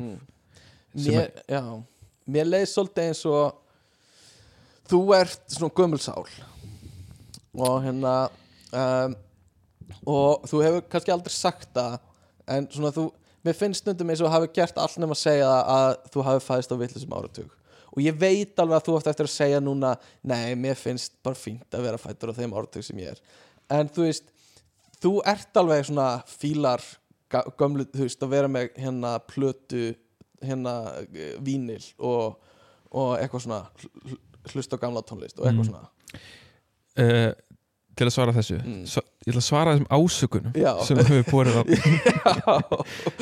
uh, þú ert mér, þú ert svona svolítið að, að hérna, líka- tala um mig eins og, eins og ég var, var kannski að hugsa fyrir þú veist, ég veit ekki, 5-10 Já, árum eða eitthvað. uh, þú veist mm. þá var ég alveg svona smá þú veist, já eða svona, kannski ekki eitthvað svona ég fættur vill sem áratug, en samt svona bara eins og öllum úlingum þeir finnst þeir vera Mhm. betri heldur en aðrir í kringu sig. Já, eða eitthvað svona já, bara eitthvað þetta ég, er bara svona veist, hipster mindsetið svolítið. Bara, á annan, bara þú veist, aðeins öðru já, bara svona að, veist, tónlistin sem ég hlusta á Mhm. sem að, þú veist, vill svo til að var eldri, mm -hmm. mér, finnst- mér fannst hún betri heldur en tónlistin sem aðrir hlustu á, sem bara- öllum finnst. Já, þegar þú varst að hlusta rosa mikið á Bee Gees og Guns N' Roses mann ég, já, þá var svona ok, uh, hérna það er svona smá eins og eins og vil ég segja að það hafi verið fættur þú hefur aldrei sagt það við mig, sko ok. held ég, en hérna og meira sér að neita því þegar ég segi að, að þú ættir að segja það. En hérna, en það var svona bara smá attitút, einhvern veginn, Mhm. svona. Mhm. Þetta þú saknaðir Bee Gees tímana. Mm einmitt. Uh, já, þú veist, ég get alveg ég get alveg hérna tekið undir þetta að þú veist Mm. að ég hugsaði kannski einhvern Mhm. tíman á þessum Mhm. nótum. Núna ekki mikið lengur nei, Eða, uh, ég er alveg ennþá eitthvað svona veist, hef gaman af eldri tónlist Mhm. en þú veist hitt, þú veist, ég er samt alveg tek allt hitt í sátt, það er bara hluti af einhvern veginn þessu. Og þú veist, ég þarf ekki að segja að ég hafi verið fættur einhvern rungur Mm. áratug til þess að geta bara notið hlutana eins og þeir eru eða þú veist einhvern veginn Ég til dæmis persónulega með svona mikla nostalgíu fyrir móðuharðindunum og ég bara, ég hugsa alltaf til þess að ég var fættur á vittlisum áratug bara 1980 bara, akkur fekk ég ekki að vera með uh, Þetta var töfratími Þetta var töfratími, þetta var umbreytingatími fyrir íslensku þjóðuna Mér finnst þess að ég hafi átt að fæðast á Já. Nei, hérna, nei, nei, en, en þetta er líka áhugavert Þú veist, er þetta samt nostalgía? Er, þetta bara eitthvað svona draumsýn? Sko ég held að þú veist, ég hef Mm. alveg upp, svona fundið einhver svona tilfinningu sem Mm. líkist mjög nostalgíu tilfinningu Mhm. þegar ég hugsa um þú veist eitthvað sem var Mm áður en ég fættist Já. eða svona, þú veist það er mjög erfitt að lýsa en bara svona tilfinningin er einhvern veginn svona því næstum því líður eins og þú hafi verið á lífi á Mm. þessum tíma og þú, þú heldur að þú saknir einhvers sem var -hmm. en þú hefur aldrei upplifað Þá myndir margir segja, sko Já, þú varst diskotek DJ í síðasta lífi sko, ah, skilur við Og þetta er bara, þetta eru tilfinningar sem eru að koma yfir skilur við, frá fyrra lífi. Mhm, mhm, mhm. ég get Mm. alveg séð þig fyrir mér með góða þykka mottu í einhver svona diskobuxum að feita skífum árið 1974 mm í svona klossaskóm að dansa. Já, og svo verður fyrir, þú veist, fellur að þau ljós eða eitthvað árið 1995 og þú Mhm. deyrð mm. og ert endurfættur 3. oktober 1995 á Mm. Íslandi mm. skilur Já. uh, allavega allavega uh, til þess að svona svona söguleg nostalgía, Mm. ef við kallum við það mm -hmm. söguleg fortíða þrá Mm -hmm. virki að þá þarftu að hafa, hafa fengið einhverju svona uh, þú veist þú þarft að hafa einhverja þekkingu á þeim tíma sem að þú Mhm. saknar eða heldur að þú saknir og það er náttúrulega kemur oftast í kring í gegnum bækur, bíómyndir, Mhm. eitthvað svona menningarefni en þegar maður hugsa um það oftast uh, eitthvað svona segjum bara kvikmynd sem á sér staðu 1980 eða eitthvað Mhm. uh, er oft eitthvað svona glansmynd af Já. þeim tíma Já. Pluss það að nostalgía Mm. er einhver svona glansmynd af fortíðinni já, já, já þannig að, að, upplega einhver svona, svona sögulega fortíðaþrá Mhm. er einhvern veginn svona glansmynd af glansmynd já, já, já. mann finnst líka eins og uh, klíó bara dí, uh, hérna að þú veist það sé oft bara svona yfirborskend kannski þekking á tímanum sem við verðum að tala um mm -hmm. skilur já, akkurat og, og þú áttar kannski ekki alveg á því nema kannski þú sást tónlistamindband já, já, og það er nóg einhvern veginn til þess að kveikja í þér. Já, já. eitthvað svona bara svona tekur það sem hendar svolítið, já, svolítið. Eitthvað svona hmm, 1950 Já. það var kannski ekkit góðu tími. Ekkert- þú hefðir nei, ekkit vilja vera á nei, lífi þá og sko. þú veist, jafnrétti á allt örum stað og eitthvað Já. svona. Það er líka svona þægilegt fyrir ákveðna hópa og kannski, og þú veist, við erum að hluta þeim hóp mm, að þú veist, fyrir okkur sem hvíta gaggin eða kallmenn mm kannski var, hefði lífið verið fínt árið 1950 Mm. en fyrir eiginlega alla aðra samfélagshópa -hmm. ekki. Nei, mitt, sennilega verður það sko. Eða það má alveg uh, leiða því líkum sko. Mm mm ok, næsta tegund af nostalgíu? Ríka bótúra. Aha. Það er kallað forstalgia forstalgia, Ég get giska hvað það er. Já, þetta segir sér nokkuð sjálf Já, við getum kallað þetta framtíðast já, þetta er enda bara hugtak sem var kynnt fyrst til sögunar í apríl og þessu ári í einhverju vísindagrein. Ok Og þetta er tilfinning sem hefur þá verið verið aldrei verið til áður? Nei, þú veist, mennirni sem skrifuðu eða fólki sem skrifaði þessa grein. Þau fundar upp. Já, Já, Eins og þingdaraflega var ekki til fyrir áður en að hérna Ís Newton. Já, Já. akkurat. Sko, þetta hugtak, maður getur alveg tengt við þetta sjálfur en sko, hugtaki eins og það talaði um í þessari grein tengist mikið svona markasetningu mm. og nostalgía líka er mjög ábyrrandi í markasetningu Algjörlega, það er mjög góð punktur Þau bara það auglýsendur er er mjölkuð Já. í allir Já. ja, mark, og bara, og við tölum um það betur á eftir og bara hérna öllu media, bara Mhm. fjölmiðlun og, og hérna og, og uh, hérna bíómyndum þáttum sko. mm en þarna er, er að tala um svona þú veist, einhver svona þrá neytanda fyrir einhverju fullkominni framtíð mm -hmm. í, án hérna þjáninga Já, eða svona, þú veist, þú, í, í framtíðinni þar sem að þú þarf ekki að díla við allt þetta drast sem þú ert að díla við núna rýmbjörn að það vera Já, Já. og þá kannski þú veist ertu með einhverja svona, þá er þessi vara hún hjálpa þér já að komast í áttina mm -hmm. að þessu Mm -hmm. Það er áhugavert, Og þetta er hérna- svolítið áhugavert Já, þetta er svona flótti til hérna fullkominu framtíðar án erfiðleika nútíman og það er svona Einmitt. gefum rými fyrir uh, fyrir þú veist ímyndunaraflið Já, og svona krengsku já, já, já. Sem er alveg, veist, þetta er eitthvað sem er uh, og hefur áhrif og virkar ímynda ég mér Já, já, með þú veist greinsku og allt sem þú veist að bara að hérna þú veist, uh, fólk kaupir örgulega vöruna með veist, þe- þessar áherslur Mhm. ef þær eru í. Og ég myndi mig líka þú veist uh, að hérna eh, en, en þetta er líka þá, þá þrá okkar í það að, að, að það verði betra í framtíðinni já, sem ég held að sé rosa sterk í okkur og bara bæði til langstíma og til skamstíma maður er einhvern veginn alltaf að hugsa þegar þetta tímabil er búið. Já, bara eins og við vorum að tala um áðan með Já. skólakerfi Já. að þú veist þegar þetta tímabil, þú veist, þegar ég er búin í grunnskóla þá get ég valið með frá, framhaldsskóla. Mhm. það verður frábært. Mhm, og, og hérna, svo ég, þú veist, búin með mentaskóla þá get ég valið mér hérna háskóla. Mhm. við vorum í þessu á hverju einustu önn í háskólanáminn okkar.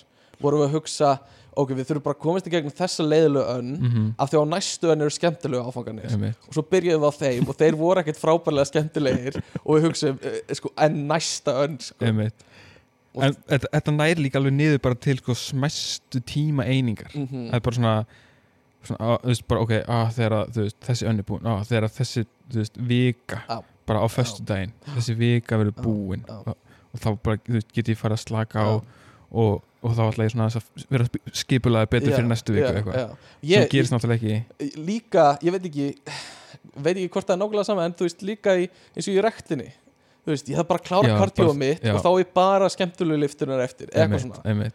Uh, þessi, þessi fullkona framtíð er- hún leynist? Þú veist, ég líka alveg bara svona ó, ég þarf bara að klára þessa mínútu og þá þú veist næsta mínúta verður alltaf betri. Og líka bara, ég hafði bara að klára þetta talking point með Björg og þá getur við fara að tala með já, þá getur þú fara eitthvað, Já, segja eitthvað skemmtilegt skemmtilegt loksins. Einmitt. einmitt. Næsta tegund. Já, uh, hún heitir á frumálinu uh, Anticipatory já, Nostalgia ok. Anticipatory Nostalgia. Mm. uh, sem er svona það- veist, að sakna einhvers Mm. sem þú ert með núna. Já, uh, einhvern veginn svona þú, þú nærði ekki einhvern veginn að að vera bara með hlutin vegna þess að þú ert farin að hugsa svona, á ég mun sakna þess algjörlega. skilur þú, ég held ég skilji hvað- hvað hvað- þetta meina já. En hefur þú upplifað þetta eða svona eitthvað þessu lík Sko, sko, eitthvað þessu líkt kannski ég hugsa oft. Uh, til dæmis til dæmis segjum að ég sé að byrja í sumfríi. Mm og ég hugsa oft bara svona leiðileg hugsa bara svona þetta verður búið -hmm. áður en ég veit af. -hmm. og þá fer ég líka að hugsa eitthvað svona, eh, ég veit ekki, eitthvað svona hvað er nútíminn? Er eitthvað til sem heitir nútíminn af því þú veist, við erum einhvern veginn alltaf lifandi inn í framtíðinni. Já, af því mér fannst nútíminn áðan vera þegar ég spurði hvað er nútíminn? Já. En það er ekki lengur nútíminn. Það er eitthvað sem ég gerði áðan, Einmitt, einmitt. og það er bara rosa erfitt einhvern veginn að grípa það sem er í gangi akkurat núna já, af því það er farið strax. Mm og, og ég held að þetta sé uh, þetta getur verið svona, svona slippery slope að byrja að hugsa svona. -hmm. Af því þú veist, þá áttu erfitt með að njóta. Þetta er líka svona alltaf því fyrir nudd. Alltaf, ég, fer, ég elska að fyrir nudd. Þetta er bara svona eitt af því svona það sem ég bara hlakka til að gera og bara, mér líður mér veist geggjað fyrir nudd. Mm uh, en um leið og ég lagstur á bekkin hugsa ég ok, njóttu, vertu hérna núna. En ég er alltaf að hugsa uh, þetta er alveg að vera búið núna. Hvað er í lótt eftir og, ég, og á eftir á ég eftir að hugsa akkur naut ég sér ekki betur að vera eitthvað svona? ég einmitt tengi við þetta líka ég, ég hugsa þetta þegar í útlöndum stundum. mm, já, eitthvað svona, þú veist, maður er bara svona í fríi og maður er að slaka á mm og maður, og maður er að hugsa, ó ég verð að njóta þess að vera hérna á meðan ég er hérna. Og veginn svona við erum að hugsa alltaf mikið um það hvað við verðum að njóta mikið frekar en bara að njóta.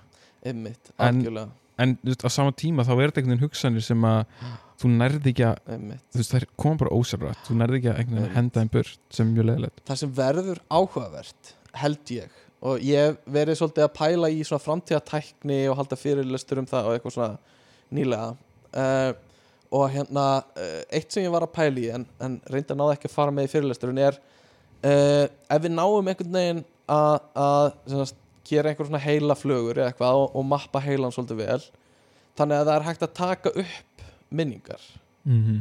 og þú getur endur upplifað nákvæm moment í lífinuðinu uh, af upptöku með tilfinningum og öllu Mm -hmm. af því ég meina tilfinningar eru bara heilabóð Mm og ef við náum að endur framkalla það að þú veist, að, þá getur þú í staðin fyrir að fara að horfa sjónvarpið eftir fréttir þá getur þú farið og upplifað að vera á Spáni aftur -hmm. Uh, og það er bara áhugavert að spæla hvaða áhrif það mun hafa þú veist, munum við einhvern veginn upplifa nostalgi á annan hátt munum við fá þá líka vondu tilfinningarnar með eins og þú varst að tala um áðan Mhm. nostalgi að veri fortíðar eða þú veist uh, uh, minningar en ekki vondu tilfinningarnar já, já, skilur og, og, og, og þú veist að ég get alveg séð þú veist þetta er smá out there en ég get samt alveg séð eitthvað í líkingu við þetta gerast já, á næstu hundra árum Einmitt. að þú veist við getum við getum bara túnað inn á það sem við tókum upp á vaffaðspólunni í heilunum á okkur. Mhm. og bara verið komin á hvað aftur. Og gætir þá eh, þú veist, ok, þetta er alveg eitthvað sem þú sér fyrir þér að væri hægt að gera. Ég er, ég er þú veist þetta er, ég viðkynna þetta er there, hljómar eins og sci-fi. En ég meina það er margt sem hljómar eins og sci-fi sem við getum. En heldur þú þú veist þú sem svona sérfræðingur í já, tæknumálum já að sjálfsögðu.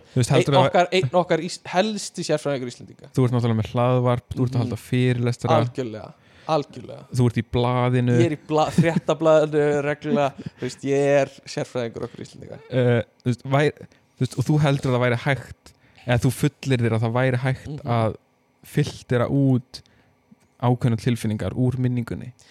Ég held að já, ég held að eh, bara byproduct af þessu eða þú veist, einhvers konar með með þróun sem færi í gang að þú veist, já, við getum við getum bæði upplifa minninguna eins og við séum á staðnum mm. og erum að gera hlutina aftur við getum ekki tekið aðrar ákvarðanir heldur en við gerðum, býst ég við Nei. skilur við, það væri aðeins annað en við getum verið þú veist, við núna gæti verið endurspilun á minningu Mhm. sem var í gangi fyrir 30 árum, Mhm. skilur við, hjá okkur og svo allt í hennu vöknum við núna og erum komin 30 ár fram í tíman og eigum þrjú börn og konu, Einmitt. skilur við en við upplifum bara eins og við séum núna já, já, já. og við fáum hana ferskara í minningun okkar eftir 30 árum, Einmitt. skilur við vöknum upp eins og það hafi verið að gerast í gegn og þessar tilfinningar ég get alveg séð að við getum mappað tilfinningarnar og sagt ok, ég man eftir ég var að taka upp minningu hérna þegar ég var að hérna, uh, útskrifa eða ég var að,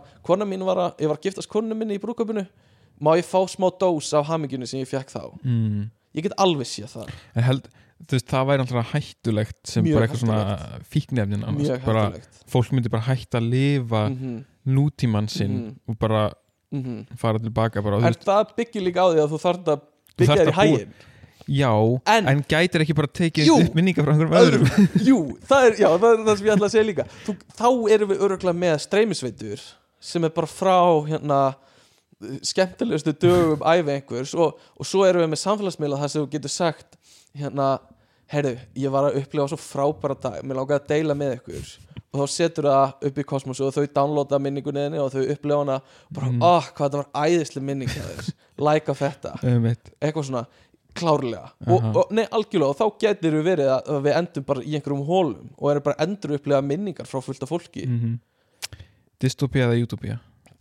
Já, mér finnst það hræðilegt. Já. þetta er, ah, ég veit ekki hvað bara að segja. Þetta er, og, þetta er bara og fíkn þetta er bara og allir vera ópjóðum Já. alltaf, skilur við og fólk væri bara, fær, vakna á morgnan og bara, ástu mín, það er morfínum minn og svo strullar þessi inn og þú er bara eitthvað, oh, það er svo gott. Þú, veist, þú væri bara svona einhvern veginn allan dag Líka bara svona Þú liggur með maganuðinum mm. uh, og í snæð fyrir að stunda kynlíf þá bara svona endur Upp- upplif eitthvað algjörlega. eða bara, hérna, flettum við ekki hérna klámstjörnuna, hvað viltu í dag? Ah, eitthvað svona, já, tökum hérna vilt fettiskynlíf í dag. Og svo bara upplifið þið saman minningar og þú veist, þetta er svo brenglað. Og hérna, og vinnustapartí og bara, hérna, setjum í gang partíið 2023 sem var svo ógeðslega gaman. Og hérna, það er föstu dagur og við ætlum að lifta ykkur upp hjá vinnustanum og allir á skrifstofunni bara eitthvað, uh, er eitthvað svona slefa á slefa á hökunum sem eru allir að upplefa okkur minningu. Þetta er bara eitthvað, þetta, er- ég veit ekki. En þú veist það hljómar ræðilega en, en en þú En- ert samt að fá þessa góðu tilfinningu. Já, en á saman tíma ég, veist, eða það er allan að einhvern veginn mann líður eins og þú þurfir að upplega eitthvað slæmt til þess að góðu hlutinni séu raunverulega góðir. algjörlega. Þannig að, þetta er, uh, oh, ég, en líka önnur pæling Nei, byrju, vegna að nenn- nenni ekki að hlusta það sem þú hefur að segja. Ok. þetta er náttúrulega líka bara getur verið pyntingatæki. 100% bara í veist uh, sá sem er að hefur áhuga að einhvern Mhm. bara get, veist, hann þarf ekki að pynta neitt hann bara lætur hann upplefa 100%, einhverja gamla pyntingu. 100%. getur látið hann bara eitthvað upplefa katalog af pyntingum. 100 ár á hálftíma. Mm inn í einn lokaður inn í herbyggi í 100 er það ár. heldur það sé hægt.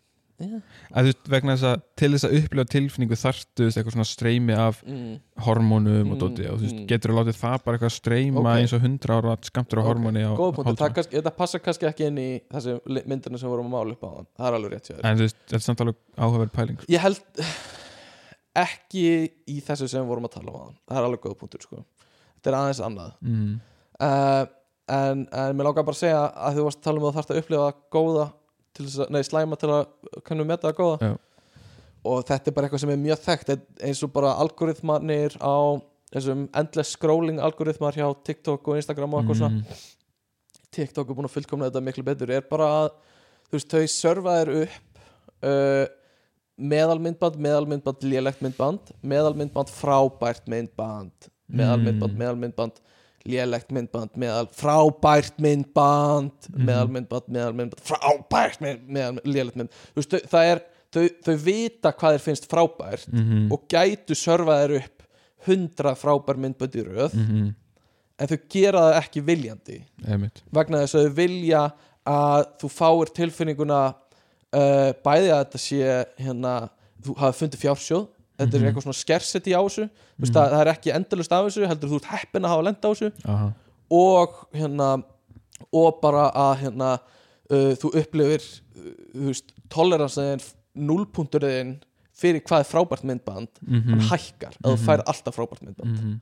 skilur þannig að við erum alltaf í minningum sem eru frábærar skilur Já. pælti í hvað venjulegi raunverulegin okkar er ömurlegur þegar við vöknum Já. Þannig að ok, þetta var, þetta var smá bæði út út úr en samt svona í þema en, en mér er þetta ógislega áhugavert sko. Já. Mér líka uh, Er nostalgía raunveruleg? uh, Við vorum svolítið að tala um þetta á hann Þetta er svolítið svona hvítþvottur á minningum mm, mm. Já, já, ég veit ekki já, al, ég myndi alveg segja að þetta verið raunverulegt og samhátt og alla tilfinningar, reyði Já. En, en minningin heldur að hún sé sem, veist, minningin sem ert svona eiginlega Mm. endur upplifa mm. þú veist ég að eins og allir vita að minningar er mjög óáreiðanlegar já heldur að minningarnar sem að þú hefur séu fullkomlega réttar Nei, það er eitthvað sem ég las eða, ég segi alltaf las ég las það hérna í uh, National Geographic að, öruglega bara eitthvað sem maður sá á YouTube í einhverju drasli en hérna að þú veist minningarnar okkar eru miklu meira uh, við að reyna að muna hvernig við mundum minninguna síðast. Mm, skilur að í hvert skipti sem þú mannst eftir sumu minningunni mm -hmm, ert að rifja upp þegar þú rifjaðar hann upp síðast. Já, einmitt Þannig að núna ef ég rifja upp þegar við fórum áðun að kaupa okkur mat mm -hmm, er ég kannski að gera það ferst mm -hmm, en næst þegar ég geri það þá er ég meira að taka afrit af afritunum sem ég var að taka núna. Já, skilur og þannig brenglast oft smáatriði Já. og, og minningar og mm það sem, það sem þú manst vel verður sterkara. Já. Og hérna þú manst ákveðna hluti mjög vel. -hmm, þú manst lyktina sem var á gömlu kennslukoninni kennslukoninni, gamla kennarinninum eða þú veist, þú manst, þú manst eftir bílinn á milli tannana á manneskinu sem þú sást út á götu einu sinni. Mhm, og það verður sterkara og sterkara en allt annað feitar meira og meira af því, mhm, af því þetta er það sem hún laðir áherslu á þegar þú rifjar hann upp fyrst skilur mhm, uh, og en annað, skilur, ég held við erum bara, erum rétt að byrja að skilja hvað heilin er að gera sko. já, hvað, af hverju við sofum, af hverju við, þú veist, hvernig við myndum minningar, hvernig við gerum þetta hitt, skilur Mhm. við bara, ég held að við vitum ekkert í því, sko nei, nei við erum á, á, á núlpunkti þar held ég sko uh, Sálfræðin á baku nostalgíu mm. er mjög áhugaverð uh, og ég reyndi að finna mér eitthvað svona það er eins og hann hafi ekkert verið ótrúlega mikið Möppu, rannsökuð já. eða svona, já, kortlega eins og þú segir Mm. uh, en hérna svona á, áður en ég fer út í það hvað fræðimennir segja Mm. mér langar að taka stöðun á þér hvað þú heldur hvernig þegar þú hugsaður um, það Mm. heldur það sé merki um óhamingju Mm. að finna nostalgíu tilfinningu þegar þú ert ekki eitthvað svona eins og núna er svona smá þingað Mhm. að reyna að kalla fram einhverju nostalgíu Já, en þegar þú raunverulega finnur nostalgíu og setur bara einn í sófanum og finnur einhverju nostalgíu tilfinningu já heldur það sé merki um óhamingju Ég held að sé kannski frekar merki um sko breytt ástand frá því hvernig þið líður núna og hvernig þið líður þá Ok. þarf ekki endilega að vera í, í betra að slæma átt sko heldur getur verið bara í þú, þú, ön- þú veist, annar staðar mm. þú veist, ég held að ég held að sé líklega að fá nostalgíu fyrir einhverju sem var þegar var mikla breytingar heldur en á einhverju sem er þar sem er svipað og er í dag Mm skilur og, og ég er ekki vissum að það bendi til þess að það sé endilega á sérst á slæmum stað núna. Ok, heldur meira bara einhvern veginn, þú veist, XI er kannski gott og slæmt ás, ásanir Já. í nýtakjörunu en þetta getur verið eitthvað seta skilur, þetta er bara önnubreiting já, já, já. Ég skil því uh, þetta er samt rámt ok, allt er góð, ég bara tek því. Ég er bara heim, Er- ég veit er- bara um framtíðina viltu- ég veit ekkert um sálfræði. Nei, þú ert náttúrulega sér ég er sérfræðingur um framtíðina Akkurat, nei, en hérna uh, samkvæmt einhverjum svona könnunum Mm. eða rannsóknum Mm. sem að eru náttúrulega mjög erfiðar öruglega að framkvæma á þessu fyrirbæri. En þá virðist fólk helst upplega nostalgíu þegar það er í svona slæmu tilfinningalegu ástandi. Já, eða svona svona feeling down svolítið. Uh, og, og það talið að sé bara svona að það sé svona svona booster, já, svona eitthvað booster Ok. skot uh, þetta er svona rítabról dórandi nákvæmlega, já, akkurat. Eins og já. bara, já. Og ég get alveg, eh, þú veist eh, það, það er alltaf lægi ef að einhverju vísindamenn halda það skilur mm þeir segjast kannski verið sérfræðingur í því en ekki einu svona reyna að láta að koma að tala við með framtíðina sko. þeir Nei. eru ekki sérfræðingur í því. Nei, en það, þú veist, eru þeir ekkit í blaðinu að tala um það framtíðina uh, en, en hérna uh, já, sko en nostalgía er samt jákvæð tilfinning mm. þetta þetta er svona einhvern veginn svona booster mm -hmm. að þú ert einhverstaðar, situr í sófanum Mhm. líður svolítið illa og þá einhvern veginn fer heilin sjálfkraf að leita einhverjum svona góðum tíma Mhm. einhverjum góðum minningum Mhm. og, og þú þú veist, saknar þeirra Mhm.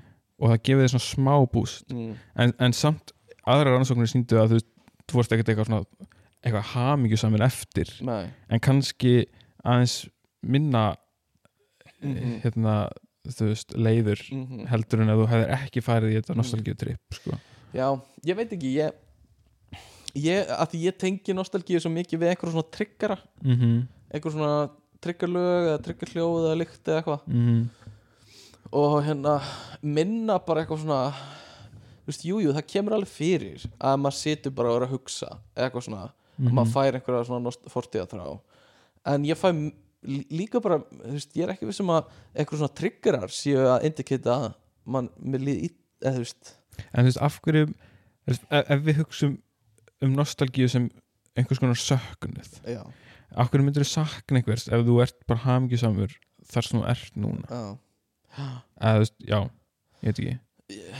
Já, ég veit ekki Þú veist, heilin er skvítin, skilur Akkur myndur slökk á heilaneðin um 8 tíma á dag til þess að ljónin getur ráðist á það á sléttarum í Afríku, skilur já, einmitt.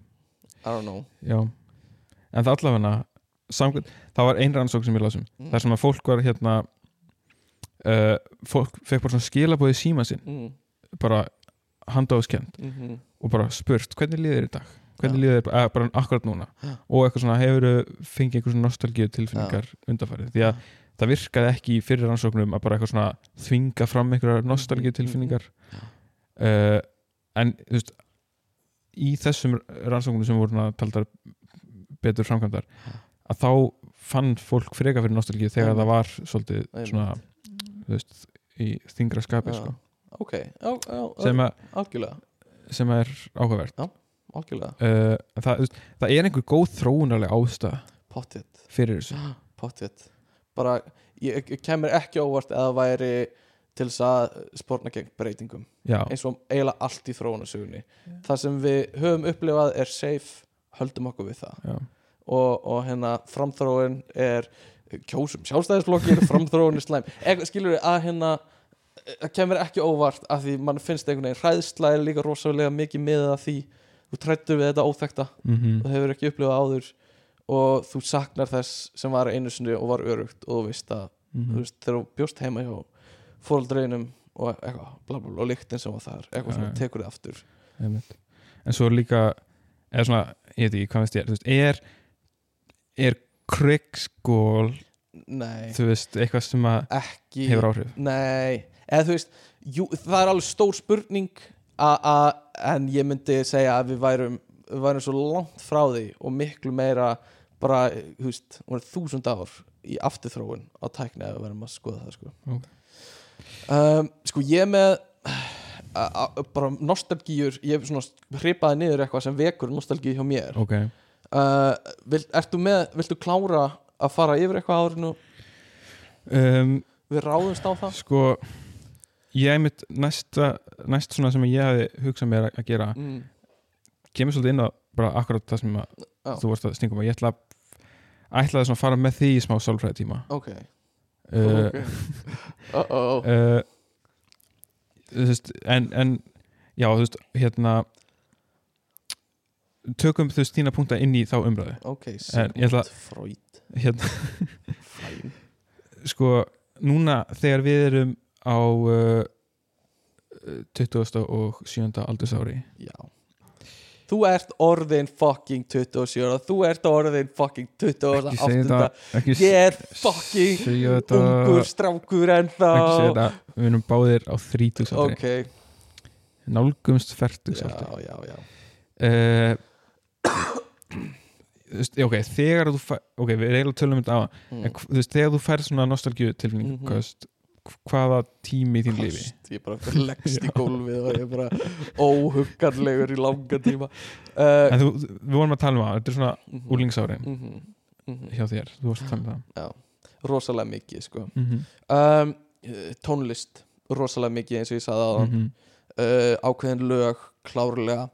Um, stundum uh, eitthvað sjónrænt ef maður sér gamalt vídeo uh, ég, ég held líka til dæmis gamalt barnaefni er mjög stert já, í svona eða mitt uh, það eru ákveðin þættir og lög úr gömlu barnaefni sem Mhm. alveg svona tryggjara mig svolítið í þessu. CSI, Law and Order, allt þetta. Criminal Minds Without a Trace á rúf á mánudugum klukkan 8.15 uh, Veronica Mars hjá mér. Mm. ég, ég er eh, sko dolfallin aðdæðand að Veronica Mars.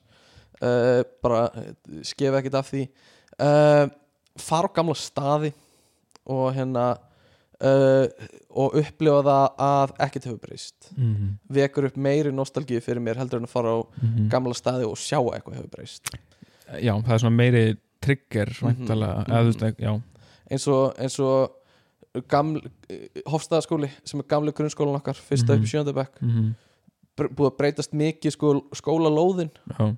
Vekur minni hérna nostalgíu mm en einhvern sem að fóru við inn í hann fyrir Mhm. einhverjum árum. Það vakti meiri nostalgíu já, fyrir mér.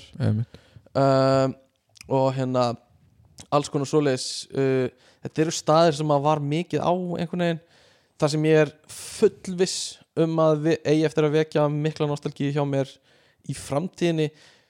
Ég veit ekki hvort að ég myndi segja að gera það núna en þú veist, sveitin mm. sem ég, þú veist eh, sem, uh, sem sveitabæri sem áminn og afi eiga og, og eigum ennþá. Og ég fer þá bara svo reglulega skilur mm -hmm. uh, að þú veist það er kannski svona nostalgía fyrir hvernig húsgögnin voru röð upp Mm. einu sinni Mm. einhvern veginn. Og þú veist afi minn satt alltaf í ákveðnu stól og sófa. Eða mitt var bara á sínum stað einhvern veginn. En það lítur allt öðruvísi út núna. -hmm. þannig að kannski sjá gamlar myndir frá því tímabili Mm meira uh, þannig að, að, fara á gamla staði klárlega. Uh, ég verð samt að segja sko, ef maður horf, sér oft gamlar myndir að þætti og líka maður spilar gamla tölvuleiki -hmm. þá er fyrsta tilfinning nostalgía og önnur tilfinning er svolítið svona þetta er lélegt. Mm. skilur eða þú veist hver, þetta er ekki eins gott að þetta var í minningu þetta var miklu betri minningunni spila, einmitt. þú veist, gamla Aladdin leikin eða Hercules leikin eða eitthvað. Mhm. bara frábæri leikur í minningunni. Ég man eftir einhverju leik sem ég spilaði mikið þegar ég var yngri. Uh, svo veist, spilaði ég hann ekkert í mörg, mörg ár. Mm og svo sá ég einhvern á netinu sem ég fylgdist mikið með spila leikinn já, og gefa hann um einhver svona review. Mm og áður en ég byrjaði að horfa þá svona, ah, ok, hann hann er að fara að spila gegn hann leik mm -hmm. og svo bara svona hakkaði hann leikin í sig Mhm. einhvern veginn. og ég bara svona svona, how dare you? Já, já, já, já þannig að leikurinn var miklu betur en algjörlega. Uh, matur reyndar eitt, það er ekki oft að því maður fær mat oft bara í gegnum lífið sitt. En einn ákveðin þegiðu, er mjög hérna uh, Björgur var að gera grína mér hérna uh, hérna uh, já, en ákveðin matur sem ég man eftir að hafa fengið á leikskólanum okkar Mhm. og við vorum saman á leikskóla uh, og þetta var örgulega matur samt sem var á öðrum leikskóla líka býst ég við en það var svona ah, kjötfars, kjötbólur sennilega kálböglar eða eitthvað svona Mhm. og ég hef bara ekkert fengið það það er ekki partur af svona matar rotation á heimilinu mínu Mhm. uh, ekki í mötuneytinu í öðrum skólum ég man bara sérstaklega eftir þessu í leikskóla og ég fekk þetta um daginn fyrsta skipti, held ég, síðan þá Mhm. og þá fekk ég mikla nostalgíu Mhm. það er bara, bara bragð einhvern veginn sem vakti upp bara bara uh, sitja á litlu borðunum Mhm. í leikskóla sko. Mhm. þannig að það er eitthvað sem var mjög grafið Mhm. einhvers staðar uh, og ég veit að ég var að spjalla við nostalgíu við kollega mína og þau, þeir voru að tala um að oft matur á jólunum Mhm. af því það er svona matur sem þú færið mjög sjaldan Mhm. uh, og ekki reglulega en, en þú veist, það vekur upp einhverja tilfinningar frá gömlum jólum Mhm. talandi um jólin uh, ég held einhvern veginn ég verið að hugsa þetta stundum að veist, fólk vill aldrei breyta neinu um jól mm jólin þurfa alltaf að vera eins hefðir, já, og, og þau þurfa oft helst að vera eins og þau voru þegar þau voru börn Já. vegna þess að jólin eru miklu betri þegar þú ert börn já. það eru miklu meira svona svona svona Mhm. magical Mhm. heldur en Mhm. þegar þú ert fullorðinn og það er jólastress Mhm. og þú veist og þú hefur gert þetta 25 sinum áður 30 sinum áður, já, 50 sinum áður já. en þú veist það, það sem ég við er að þú vilt bara einhvern veginn komast í þetta ástand Mhm. að þú ert bann Mhm. og ég býst við að þegar þú ert foreldri þá viltu að börnin upplifi það eins og þú já, það. og þannig þú veist heldur ringurinn áfram. En algjörlega, þú vilt að þú, þess, þú vilt halda í eins og þetta var og hérna ég uh, veist, ég kannski minna þannig að bróði minn var allavega þannig hann var bara, við verðum að gera þetta nákvæmlega eins. Mhm. skilur við erum með hann var bara með klukku og bara klukkan þetta ger ég þetta. Uh, klukkan þetta fer mamma og gerir þetta. Og klukkan þetta er þú að gera þetta. Og þú veist ég mitt hlutverk var alltaf bara að horfa á teiknumyndir það þannig að ég var bara, kluk Stefán, klukkan þetta fer þú að horfa á teiknumyndir og hérna, já, já, við tökum jólum mjög snemma heilin á mér. Og hérna þið byrjið 22. já, á opna já, gjafinnar opna gjafinnar en mjög hægt sko. uh, síðasta gjöfin er opnuð á miðnætti aðfangadag já, en hérna nei, við byrjum, þú veist, klukkan 5 að borða mm. fjögur fimm, við erum búin hálf sex kannski að borða, eða eitthvað uh, og klukkan sex fer Tryggvi bróður minn í herbyggi og spilar sjöttu sinfoníu Beethoven's sjötta held ég sem er akkurat klukkutími, eða eitthvað svo leiðis ok, og við heyrum alltaf í henni glimja svona upp af því, þetta er bara gert alltaf. Og svo þú verður sagt mér frá að sagði ég veit það, magna þetta er svo skemmtilega sko. og, hérna, og meðan er ég að horfa á teiknumyndir eða spila tölvuleika eitthvað. Af hverju sjötta sinfóni, er það ekki sveita sinfóni Það er, ég man ekki nú með hvað hann er af því ég er svolítið pleppi allir, eða Tryggvi og pabbi minn eru meiri uh, svona klassist tónlistnördar sko en það er einhver af þessum symfóníum sko Kristjana, kærasta mín, var að koma inn uh, Kristjana vilt þú segja okkur frá nostalgíunu þinni? Hvað vekur upp nostalgíu hjá þér? Eitthvað eitt? Hún svona læðist hérna til okkar og er ekki alveg viss hvort hún, hvort hún þóri að koma Kottu, segja hæ, segja allan að hæ Hún er hæ, segja hæ í mikrofónin Hæ, Viltu þið segja eitthvað sem vek- vekur nostalgíu hjá þér? Er bara með eitthvað? Er, eitthvað, eh, er það tónlist eða er það bíómynd? Hvað er í mikrofónin? um, Já, síðast að ég bleið nostalgíu var þegar ég fór í gæri heimsókna á leikskóla hér í Gegnborg og sá litla stóla og svona kuppa í leikskólanum. Mm, Kaplakuppa, kannski. Allir kuppar Allir kuppar Gaman. Algjörlega. Ah, svona Kuppalaga kuppar Já. Kristín er að teikna í lofti svona kupp Já. Ah, Þannig að, að það er alls konar sem vekur nostalgíu hjá fólki. Mm, Vilt þú nefna eitthvað eitt sem vekur hjá þér?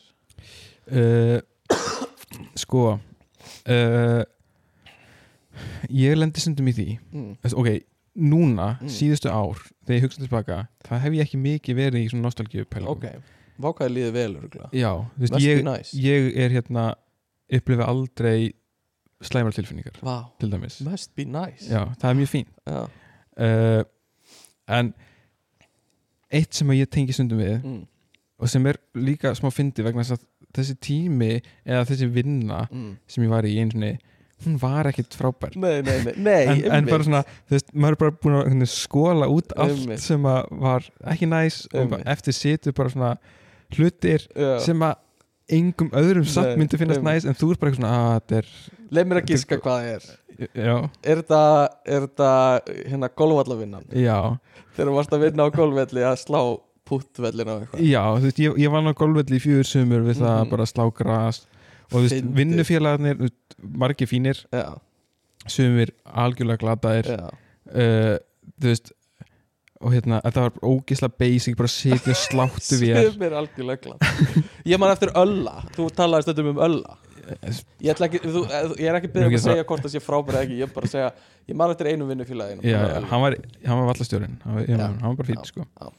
Uh, hérna þú veist, stundum núna þegar maður er veist, einhver svona ógislu stresskasti kasti, Já, kassi. kass, ég er í stresskassa já. Uh, Á lækjartorka á fjórum fótum bara "Uh, Ég er í kassa já Mhm. uh, já, þú veist, að klára eitthvað verkefni eða einhverju, eða einhverju leiðilegri vinnu leiðilegu verkefni í vinnunni Já. og maður er bara svona á hvað væri næs að vera bara á sláttu Einmitt. í rigningunni Já, með podcasti mitt í eirunum einmitt. og þú veist, hérna bara svona áhyggjuleysi einhvern veginn Já, ég held að það sé líka þú veist, það eina sem þú þurftur að hafa áhyggjur af var það hvort að þú varst að slá beint Einmitt. eða ekki. En málið er samt með það er að á þessum tíma þegar þú varst að vinna í þessu hafðu þurru örgulega fullt af áhyggjum af einhverju öðru í já, lífinu. já, já, algjörlega. Sem var bara, þú veist er ég nógu vel undirbúin fyrir MR sem ég er að fara í á næsta ári? Eða eitthvað skilur ég veit ekki hvað já, áhyggjur þú já, hafðir. já, en þú hafðir þínar áhyggjur á þeim tíma. Já, pottit ég en má samt það ekki er hvað það ekkert, voru. þú manst ekkert hvað það var sko.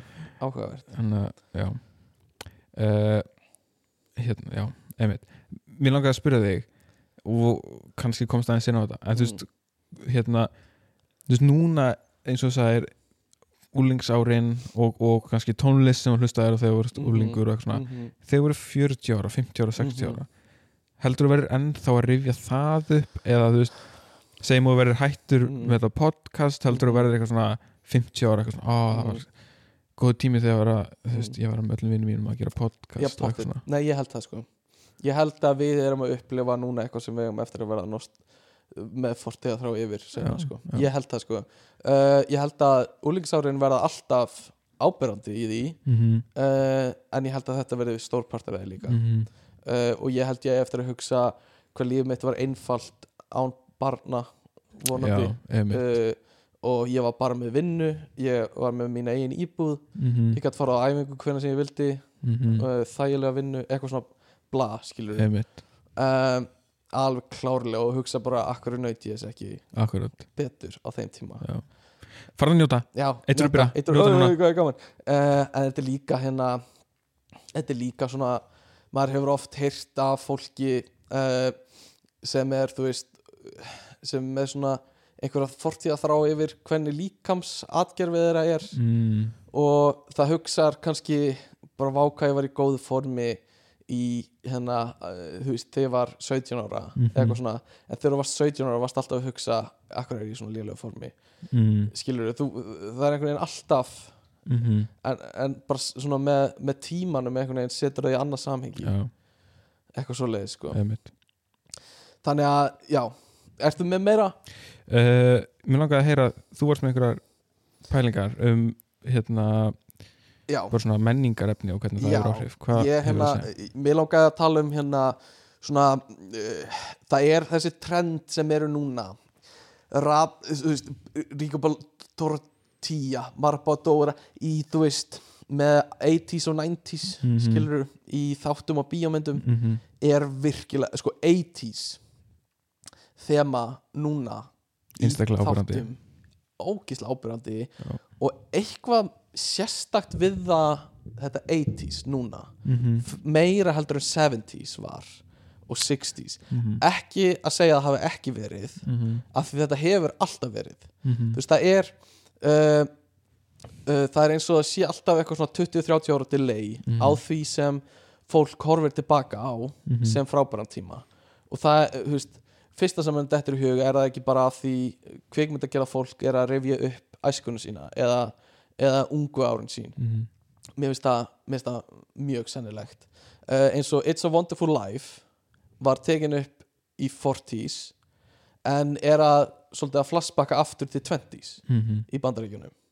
Uh, og saman með Back to the Future var gerð í uh, hérna nýjönda áratögnum 80s mhm, uh, en er að flashbacka aftur í 50s mhm. þetta er þetta, er, þetta, er þetta saman leið 20-30 Já, ár. uh, That 70s show uh, var gert á tíunda áratögnum Mhm, og er að flashbacka aftur sjö- 70s, Mhm, skilur mhm. 30 ár. Mhm, uh, og núna er einhvern veginn allir í, í og kannski síðasta áratugin hafa allir verið í 80s mhm, þú veist, fáránlega mikið. Stranger Things var náttúrulega bara toppurinn á já. bylgju uh, en þú veist, það eru fleiri It myndin og eitthvað Mhm. svona þú veist, það eru það eru uh, bara endalust og allir, það er allir að missa sig yfir þessu sko mhm. Eitt var svona var náttúrulega uppáflega þessi þarna, serja, Mhm. nei, einhver svona sjónvast Mm. Ok, uppáflega bók náttúrulega Já. sem að ég veit ekkert hvernig að koma út en hún var einmitt þá líka Rítjum, já, Orododam já, Já, en samt ekki bara það heldur líka þú veist hérna þú veist, þeir voru að fara þú veist, baka til 80s og svona fram tilbaka. Mhm, mhm, en, þú- og núna erum við með eitt sem að eru við- er ennþá líka að fara til 80s þannig að mhm. það er eitthvað við hennar 80s áratug Já, sem er svo ábyrnandi eða svona, það er eins og hafi eitthvað verið já Það eru margir sem vilja hann. meina að 80s hafi verið svolítið sérstakur. Það er, það er bæði í- sko, sérstaklega í þessari sko, pop culture menningu uh, bíómyndir, tónlist og þættir. Þú veist, það er fólk vil meina til dæmis að, að hérna, uh, það var svona golden age í Hollywood upp á svona 50 og svo kemur svona experimental tímabil frá 50 upp að svona 80s og á þeim tíma þegar það er loksist komið í 80s aftur þá er þú veist þá erum við búin að vera að prófa hluti alls konar og kvikmyndagerða fólki er, er hérna er orðið ákveðið svona þroskað þannig að bíómyndinar sem er að gerast í 80s eru rosalega uh, hannaðar til þess að, að það er hægt að taka ákveðin stef úr þeim mm og það er hægt að módela rosa mikið eftir 80s myndum eins og það er oft sagt að Mm. þessi hasarmynd hún var svolítið eins og hasarmyndina voru í 80s já, já, já. uh, það er bara af því, af því myndina sem voru gerðar í 80s eru, eru að koma á tímabilið þar sem, þar sem við, við getum þú veist, við erum orðin svolítið þroskuð í kvikmyndagerð við erum, við erum hérna búin að, að prófa og leika okkur í alls konar einhverju drastli sem Mhm. var kannski 50, 60, 70 Mhm. og erum, þú veist erum með, þú veist, leikstur eins og Steven Spielberg og eitthvað Mhm. sem eru bara virkilega færir í því sem þau gera og hérna og, og taka bara það sem virkaði frá 50, 60, 70 og einhvern veginn kristallaða í 80s myndunum sínum Mhm. Og, og búa til myndir sem eru einhvern veginn bara svona kjarnaðar og til þess fallnar til þess að endurskapa og gera seinna sem við erum að gera núna. Mhm. og það er spurning hvort að það mun halda áfram í 90s en, en þetta er bara pjúra að hérna herja á nostalgíu hjá fólki. Mm núna eru helstu neytendurnir síðasta áratugin kannski fólk sem var alast upp í 80s vor ungt fólk í 80s Mhm. sem elskar hvernig þetta var þá þannig að búa til þætti að bíómynd sem gerist þá er bara Moneymaker moneymaker er bara eins og bara, veist, er bara besta sem þú getur gert sko. Mhm. og hérna það er spurning maður myndi halda við séum að færa okkur yfir í 90s tímabil núna Mhm. Þetta er bara sama með líka tísku. Tískan er svolítið að horfa á þessum skala aftur og bakk skilur við erum að fara að sjá nakkagreislunar aftur eftir smá tíma. Aha. og hérna uh, nú erum við að færa okkur yfir í 90s og, og hérna og fyrsta áratugin í rauninni. Já. sem er, sem verður mjög áhugavert að sjá. Og við erum ekki alveg byrjuð, við erum í transition tímbili núna sko. Mhm, ég held að fólk sé að verða smá þreytt á á disco eða hérna, hérna syntha 80s Já, akkurat. veifinu sko. Já, ég held það. Ég man hérna fyrir þú veist, e- ekki þú veist, mörgum árum þú veist, þá þegar að, hérna 80s flashback stöðin kom í útvarpið eitthvað, Mhm. mér, þú veist, mér veist að gegja hlustaði alveg freka mikið á það. Já, uh, ég veit ekki hvort það sé bara vegna þess að ég er komið leið öllum lögunum vegna þess að þeir spila Mm. bara sömu hundra lögin aftur og aftur. Eða hvort það sé bara svona, ok, það er komið gott af þessu. Mhm, bara þetta er búið, mhm, þú veist, eins og er alltaf með trend, þau eru alltaf búin einhvern tíma. Já, en þú veist, og það er alltaf til útastöðar sem mann ekki hvað heita þess retro Mhm, eða bla mhm. bla. Bla Næn, gullbylgjan? Já, gullbylgina ennþá eldri Ennþá tónlist, eldri, það var eitthvað svona 60s tónlist Mhm. eða eitthvað. Uh, en já, þú veist kannski 80s bara, hún verður bara leggjast niður og það verður bara FMX 90s, var 90s já, já, já. 00 eitthvað svona. Einmitt, þetta verður bara svona 90s hip-hop Mhm. pop algjörlega, ég held það og, og, og bara svona áfram þetta, bara svona áratug fyrir áratug einhvern veginn. Já, það kemur ekki óvart. Og ég held að sé sérstaklega af því kvikmynd að gera fólk lítur ósa mikið til tímar sem það var ung já, já. og, og tónlistafólk sem það líka fyrir að sampla meira frá öðrum áratug Mm sko. og hérna ég er bara bara fullvis um það að, að hérna, eftir 30 ár er verið að gera rosalega mikið af bíómyndum um, um 2020 og eitthvað Mhm. þú veist, það verður bara pandemic mynd eftir pandemic mynd eftir 30 ár sko. nema það er ekki svona nostalgíu mynd eða svona, fyrir suma kannski jú, ég, það verður nostalgía yfir sko, yfir einangrunni já, alveg pottið sko. en það er samt svolítið erfitt vegna þess að þessi faraldur var náttúrulega þú veist, og húrra fyrir að tala um COVID mm, aftur, mhm. tölum meira um COVID endilega að þetta var náttúrulega hræðilegt við Mhm. hræðilegu atbyrður Mhm. og tímabil og þú veist, heldur að fólk verður alveg sátt við það að gera bíómyndir já, þar sem að þú veist, þessi tími er málaður í einhverju svona Já. þannig litum, Já. eitthvað svona góðu Já. ljósi já heldur að fólk verður sátt við það ég held að ég held að það það er alltaf gert sko það bara þarf að líða smá tími uh, fólk elskar myndir frá heimstyrjaldatímunum og, já, en þú veist já, og, og hérna þú veist, jújú, það gæti verði eitthvað sk eitthvað skrítið og kannski á einhver, einhver, einhver formi sem við erum ekki alveg átt okkur á núna. Mm erfitt að spá sko en ég held að verði fundin leið til að gera þetta eitthvað þannig þetta er meira þess að jafnvel hefur verið gert nú þegar, þú veist, það er alveg til Mhm. einhverju svona romantíska myndir eitthvað svona, mm. um fólk sem kynntist í COVID já, eitthvað svona, já, já. þar sem að þar sem eitthvað kom gott út Isolated út úr- love. Já, og þau eru í gegnum kynna eitthvað svona já, já. Pott, já algjörlega. Ég, ég bara, ég fullu sem það að fólk á eftir að hugsa tilbaka til einogrunnar í COVID og hugsa hvað lífið var einfalt. Að Mhm. þurfa bara að horfa sjónarspil eða eitthvað svona blá Einmitt. þetta verður svona þú veist, fólki mun líða eins og að það hafi verið alltaf mikið gert úr þessu á, á þeim tíma sem var öruglega það og líka bara við þurfum að fá annað annað svona núl, núlstillingartímabil þar sem Ah, við erum rosa mikið bara heima. Það væri gott að fá heimsfaraldur á bara já, já, já, fólk verður að 15, hugsa eitthvað 20 svona ára sko. sko. á, á, á svona einhverju leveli kannski ekki alveg svona morbid leveli en svona á, á einhverju leveli held ég að verði einhver svona nostalgía fyrir þessu sko. Já. eða bara heimurinn ætti að koma sér saman um það bara slökka á öllu í eitt ár, einmitt. þú veist tísa sinnum á hverju öld fá bara, bara hérna bara menn bara uh, kreppa sem bara vísvitandi gera bara efnagskreppu með því að Mhm. slökka öll í heilt ár mm og allir eru bara heima já, ég get alveg séð það sko Einmitt. ég, ég meira að segja ég veist, ok, ég heyrði það í útvarpunum daginn mm. að veist, eftir efnahagsrunnið, Mhm. kreppuna í kjölfarið að þá, veist, allavega meðal úlinga að þá veist, jógst hamingja úlinga ok, í kjölfar kreppunar já, uh, og það var rækið til þess að þú veist, þeir voru að eyða meiri tíma með fóreldur sínum uh, og eitthvað svona þannig þættir. Einmitt. En svo núna reyndar eftir COVID eða í Mm. COVID að þá minkaði hamingja úlinga þó að þeir væ- væri að eyða meiri Mhm. tíma með hérna, fóreldur sínum eins og eftir kreppuna. Einmitt. En kannski vegna þess að faraldurinn hafði meiri áhrif á úlinga já, þú veist, unglingar- allt annað líka Já, sko. þú veist, úlingar á í kreppunni, þú veist, þeir voru ennþá í skóla þeir ennþá gerðu sína Og úlingar hluti já, sko. já. ég held það sko að það þarf að vera eitthvað svona heilbrið blanda af einogrun, fjölskyldulífi og, og ekki einogrun sko. Mm um, algjörlega. Uh, ég er með smá svona spurningakeppni fyrir því í lokin nema þú sést með meira. Við erum búin, uh, minnstu við erum búin að kafa helviti djúft hún í nostalgíu sko. Já, um, uh, þú veist, það er bara femd sko og já æfi kannski tölum um það.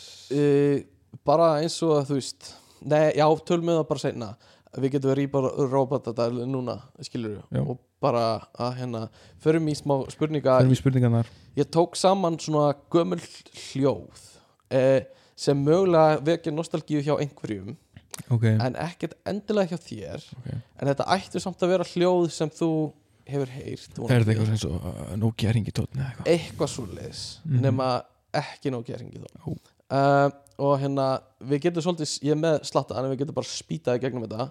Og ég að þú ert að, annarkvort að það er erfitt að gefa eitthvað nafna því að þetta er ekkert endilega með nafn en þú ert að gefa með konteksti, hvað er ah, þetta? ok, ok. Og hérna tala eins í kringum þetta og þú fær þá rétt eða ránt fyrir það. Þannig að þetta er fyrsta sem hérna hljóðið sem allir eiga að þekkja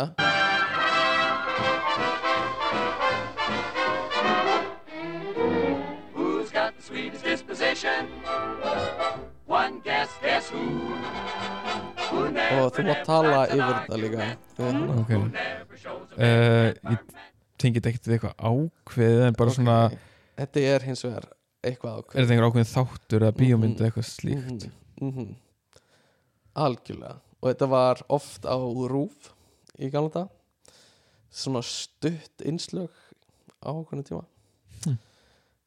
Á ég að segja þér hvað þetta er já, segð mér uh, nei, ég vil að þú giskir alltaf eitthvað og skjótið í bláin uh, eitthvað svona gumul, er þetta frá mínum tíma eða? Já. uh, þetta var spilað á þínu tíma þó þetta sé kannski aldrei það líka Ha, er þetta eitthvað svona frétta einslögu utan úr heimi eða eitthvað? nei, þetta er þetta er hérna uh, þemalagið á undan uh, svona Anders Andar Disney teiknumyndum sem eru örgulega svolítið gamlar kannski frá 50s, ok, eitthvað svo leiðis en það var alltaf eitt, eitt og eitt svona með barnatímanum alltaf Í ok, gamla daga. ok, ok, ok. Þá var þetta. Eitthvað svona, Veist- Guffi í Olupjöleikunum já, já, já, ok ég sko, sko, ég, Sko. það sem ég ætlaði að segja já. var eitthvað þannig. Ok, einmitt. ekki, kannski, það kannski ekki tengt teiknumyndum en, það en já, þetta er svona uh, svona þetta myndi mér fyrst á Cuphead and Mugman. Það er nákvæmlega sama. það er að stíla nákvæmlega þetta. Ok, annað, höldum okkur á svipuðum tíma. Þetta er svolítið freebie vonandi eða samt kannski ekki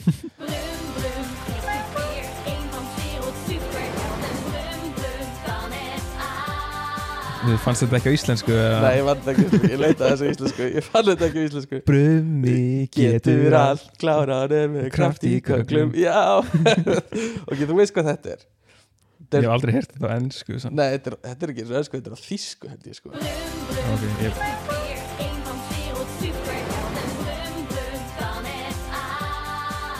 já, já. Er það samt einhver svona já, skrýtur eitthvað svo reymur skrítið reymur reyndar. ég veit ekki, kannski er þetta hollenska eða eitthvað.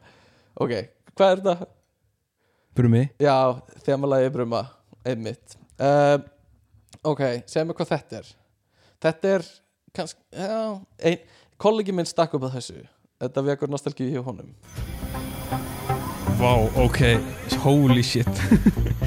Uh, Þetta er speillin Þetta er speillin Þetta er ógislega gott lag. Hefur Já. hlust á þetta í heilsinni? Ég með þetta í helsinni hérna Chronology Part 6 Aha, þetta er hérna Sean Michel Jarre eða eitthvað? Frábært lag. Ok, þú ert með tvö stig. Um, Ok Ok, segðu mig hvað þetta er og þetta er svolítið áhugavert. Uh, Þetta er svona smá tvist hérna. Ég verð að segja, Mm. speilslægið vikur alveg talsverðan svona, svona, það er svona trigger fyrir mig að rifja upp gamla tíma. Þegar ég satt við, vegna þess að speilin byrja alltaf klukkan 6 Já. á rás 1 og það var alltaf hlusta á það Mhm. þegar ég borðaði kvöldnum heima það, sérstaklega minnir þetta mig á sáðuna ísu og rúb Ah. áhugavert Það er fyndi hvernig svona eitt getur myndið á annað í svona domino effekti sko. Um, ok, Ríbal Tórandama Hei, Kalli! Hei, Kalli, vaknaðu! Já, Kalli, álappalega döiði blið vaknaðu! Þetta Ákveðið. finnst Það er mér gott að þetta sé mikilvægt. Skíðalóf er engið. Nei, Kalli, Magnað. við fundum yeah. að krása kletti. Krása klettur, Kalli. Já, Kalli, við ætlum að krása Hvað? kletti. ég veit uh, Komdu með, Kalli. Þú- Já, Kalli, það verður æventýri. Vist, ég veit ekki hvort að það er að Charlie the Unicorn. Já, en ég, horf, já. ég horfði aldrei á Charlie the Unicorn. Ekki áhugavert. Ég fann þetta nefnilega, ég googlaði gamalt barnaefni og þetta er leipilað sem gamalt barnaefni á YouTube. Ah, nice. en það sem þetta er, er bara því bara íslensk, uh, eitthvað dub ekki eins og, jú, dub á, á YouTube myndbandinu Charlie the Unicorn. Fucking fyndi, sko. Um, ok, segjum við hvað þetta er stoppa þetta mm. uh-oh uh, ég, er svona, ég, er svona, ég finn fyrir gýrónum í hausnum að þið snúast Já. sko. það það bara vaft í 40 sko. þetta er þú myndir ekki downloada bíl já, þetta er anti-piracy auglýsingin dun, dun, dun, dun, dun, smá hérna í viðbátt þetta er svo gott lag löggu líka, sko. Ég hef verið til í að þetta veri fyrir spe speilin sko. uh, ok það eru margir með, það verður áhugavert að vita hvað, hvort það er þessu en ég veit að margir triggerast sannilega við að heyra þetta Hei, það er fjármögnun félagar. Já, skæsi, það er hér. Ostur! Ársutafæði! með þetta auglýsing Algjört æðin maður. Kílum aða ekki hvað þetta þetta er. ákveðinni bíómynd ákveðin Disneymynd. Og þetta er svolítið svona köld klassík Disneymynd, kannski myndi ég segja. Að því sumir, þetta fór alveg fram hjá sumum en sumir elska þessa mynd. Grunar að þú hafur ekki verið mjög mikið í þessu. Ég hef almennt ekki verið mikið í Disney myndum Nei. þetta er úr guffagrín þegar ó, ég er þetta persóna hef alveg hort á sem sprautaði upp í sig einhverju svona rjómadóti. í að osta já, já, já, einmitt. Hérna. Hei, það er fjármögnun félagar. Já, skæsi, það er hér. uh, Ostur! Ársutafæði! suttafæði! Suttafæði. Þetta er margir hlutur eftir suttafæði Ok, ok. Ekki, ekki. Hérna, ok, þú ert ekki með Þú veð það með þrjú stig. Uh, Nei, ég, ég veit ekkert hvað er mikið stig Ég ætla bara að segja þrjú stig. Mhm. Ok. Uh, Rito Borodito Roboto.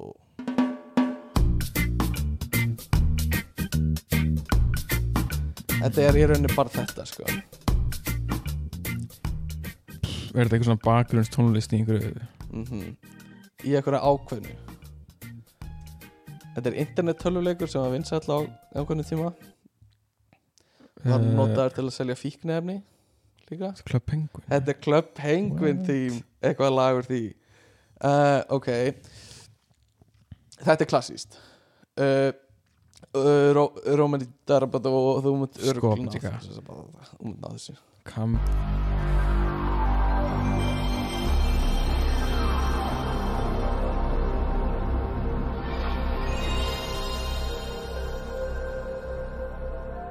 Ég ímynd Þetta er eiginlega búið núna, já. Ok, ég ímynda mér að þetta sé uh, eitthvað svona intro eða svona þú veist, ég ekki Playstation eða Xbox Mm, eða eitthvað svona. gott, Playstation 1 Já, með mér Klárlega. Ok, förum í þetta. Ég trúi ekki að mér er ekki tala á þetta sko.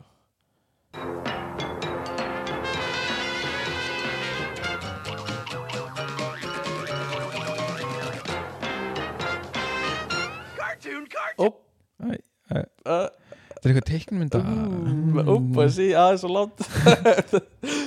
Æjæjæj Er það kynningast ef, ég veit ekki, Network Já, vel gert, fimm. Ég, ég veit ekki ég, einu teiknmynda sem ég horfði á var bara það sem var á rúf sko. Já, já, ég tengi við þetta að því amma hérna uh, var áskrifandi. Mm, fyrir barnabönnin sko. uh, ok, þetta er eitthvað svona er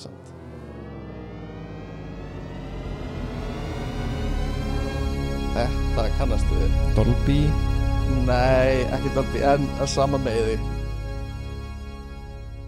THX ah, kemur einmitt, undan bíómyndum. Einmitt, já. Þetta á eftir að tryggja einhverja. Er það Wii Já, vel gert, ég var ekki viss um að myndi ná þessu. Glæsilegt, ok. Ég er samt átt aldrei Wii sko. Ná, þetta var betið góð bara Þú veist, fóreldra mínir leifðu mér aldrei að hafa gaman Ná, rífa dót ekki þetta um, Það er bara Pú, Það er bara fyrir hjettir Handga- Næsta er hérna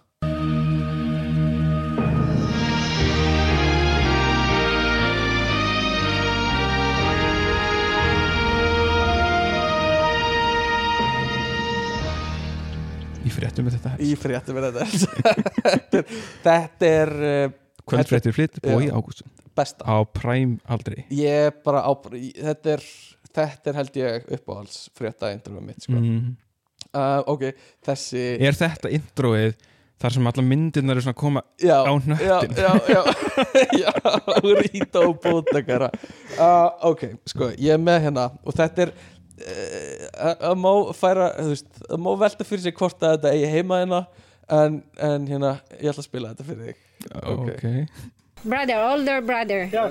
And he take care of the gummy tree, the rubber tree. So I want to ask you about, you know, how this sko. uh, do. Can you tell us about this tree and how? Texas Maggi Já, þetta er Texas Maggi að kynna sér gúmítrí um, Ok mm. Við erum alveg að klára hérna, það eru nokkur eftir Ok, ég hef svolítið áhuga á því að vita hvort þú veist hvað þetta er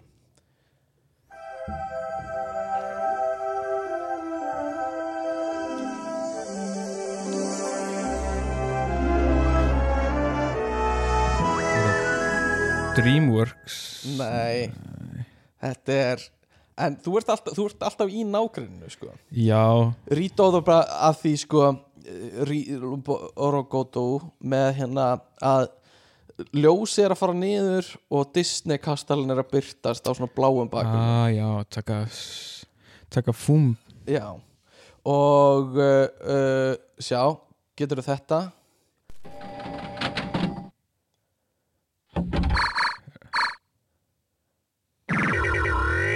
þetta er bara pinball í Já, Windows. já, XP Já, vel gert. Um, Maður sjá? Um, mm, og ég held að þetta sé síðasta rót og, og Robotika Roboto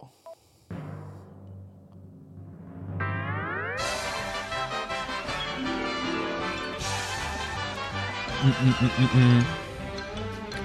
That's all folks. And the Kalikanina Eða bara Rico Loboto Looney Tunes. Mm, mm, Rico Loboto Loboto um, Tisa bara gúta bara. Ta, ja, Fubai Kailagio um, Þeirra uh, Toko bara ekki bara um, Meraba Búra uh, Ragata ekkert að frétta gmail.com uh, bara ekkert að frétta Instagram.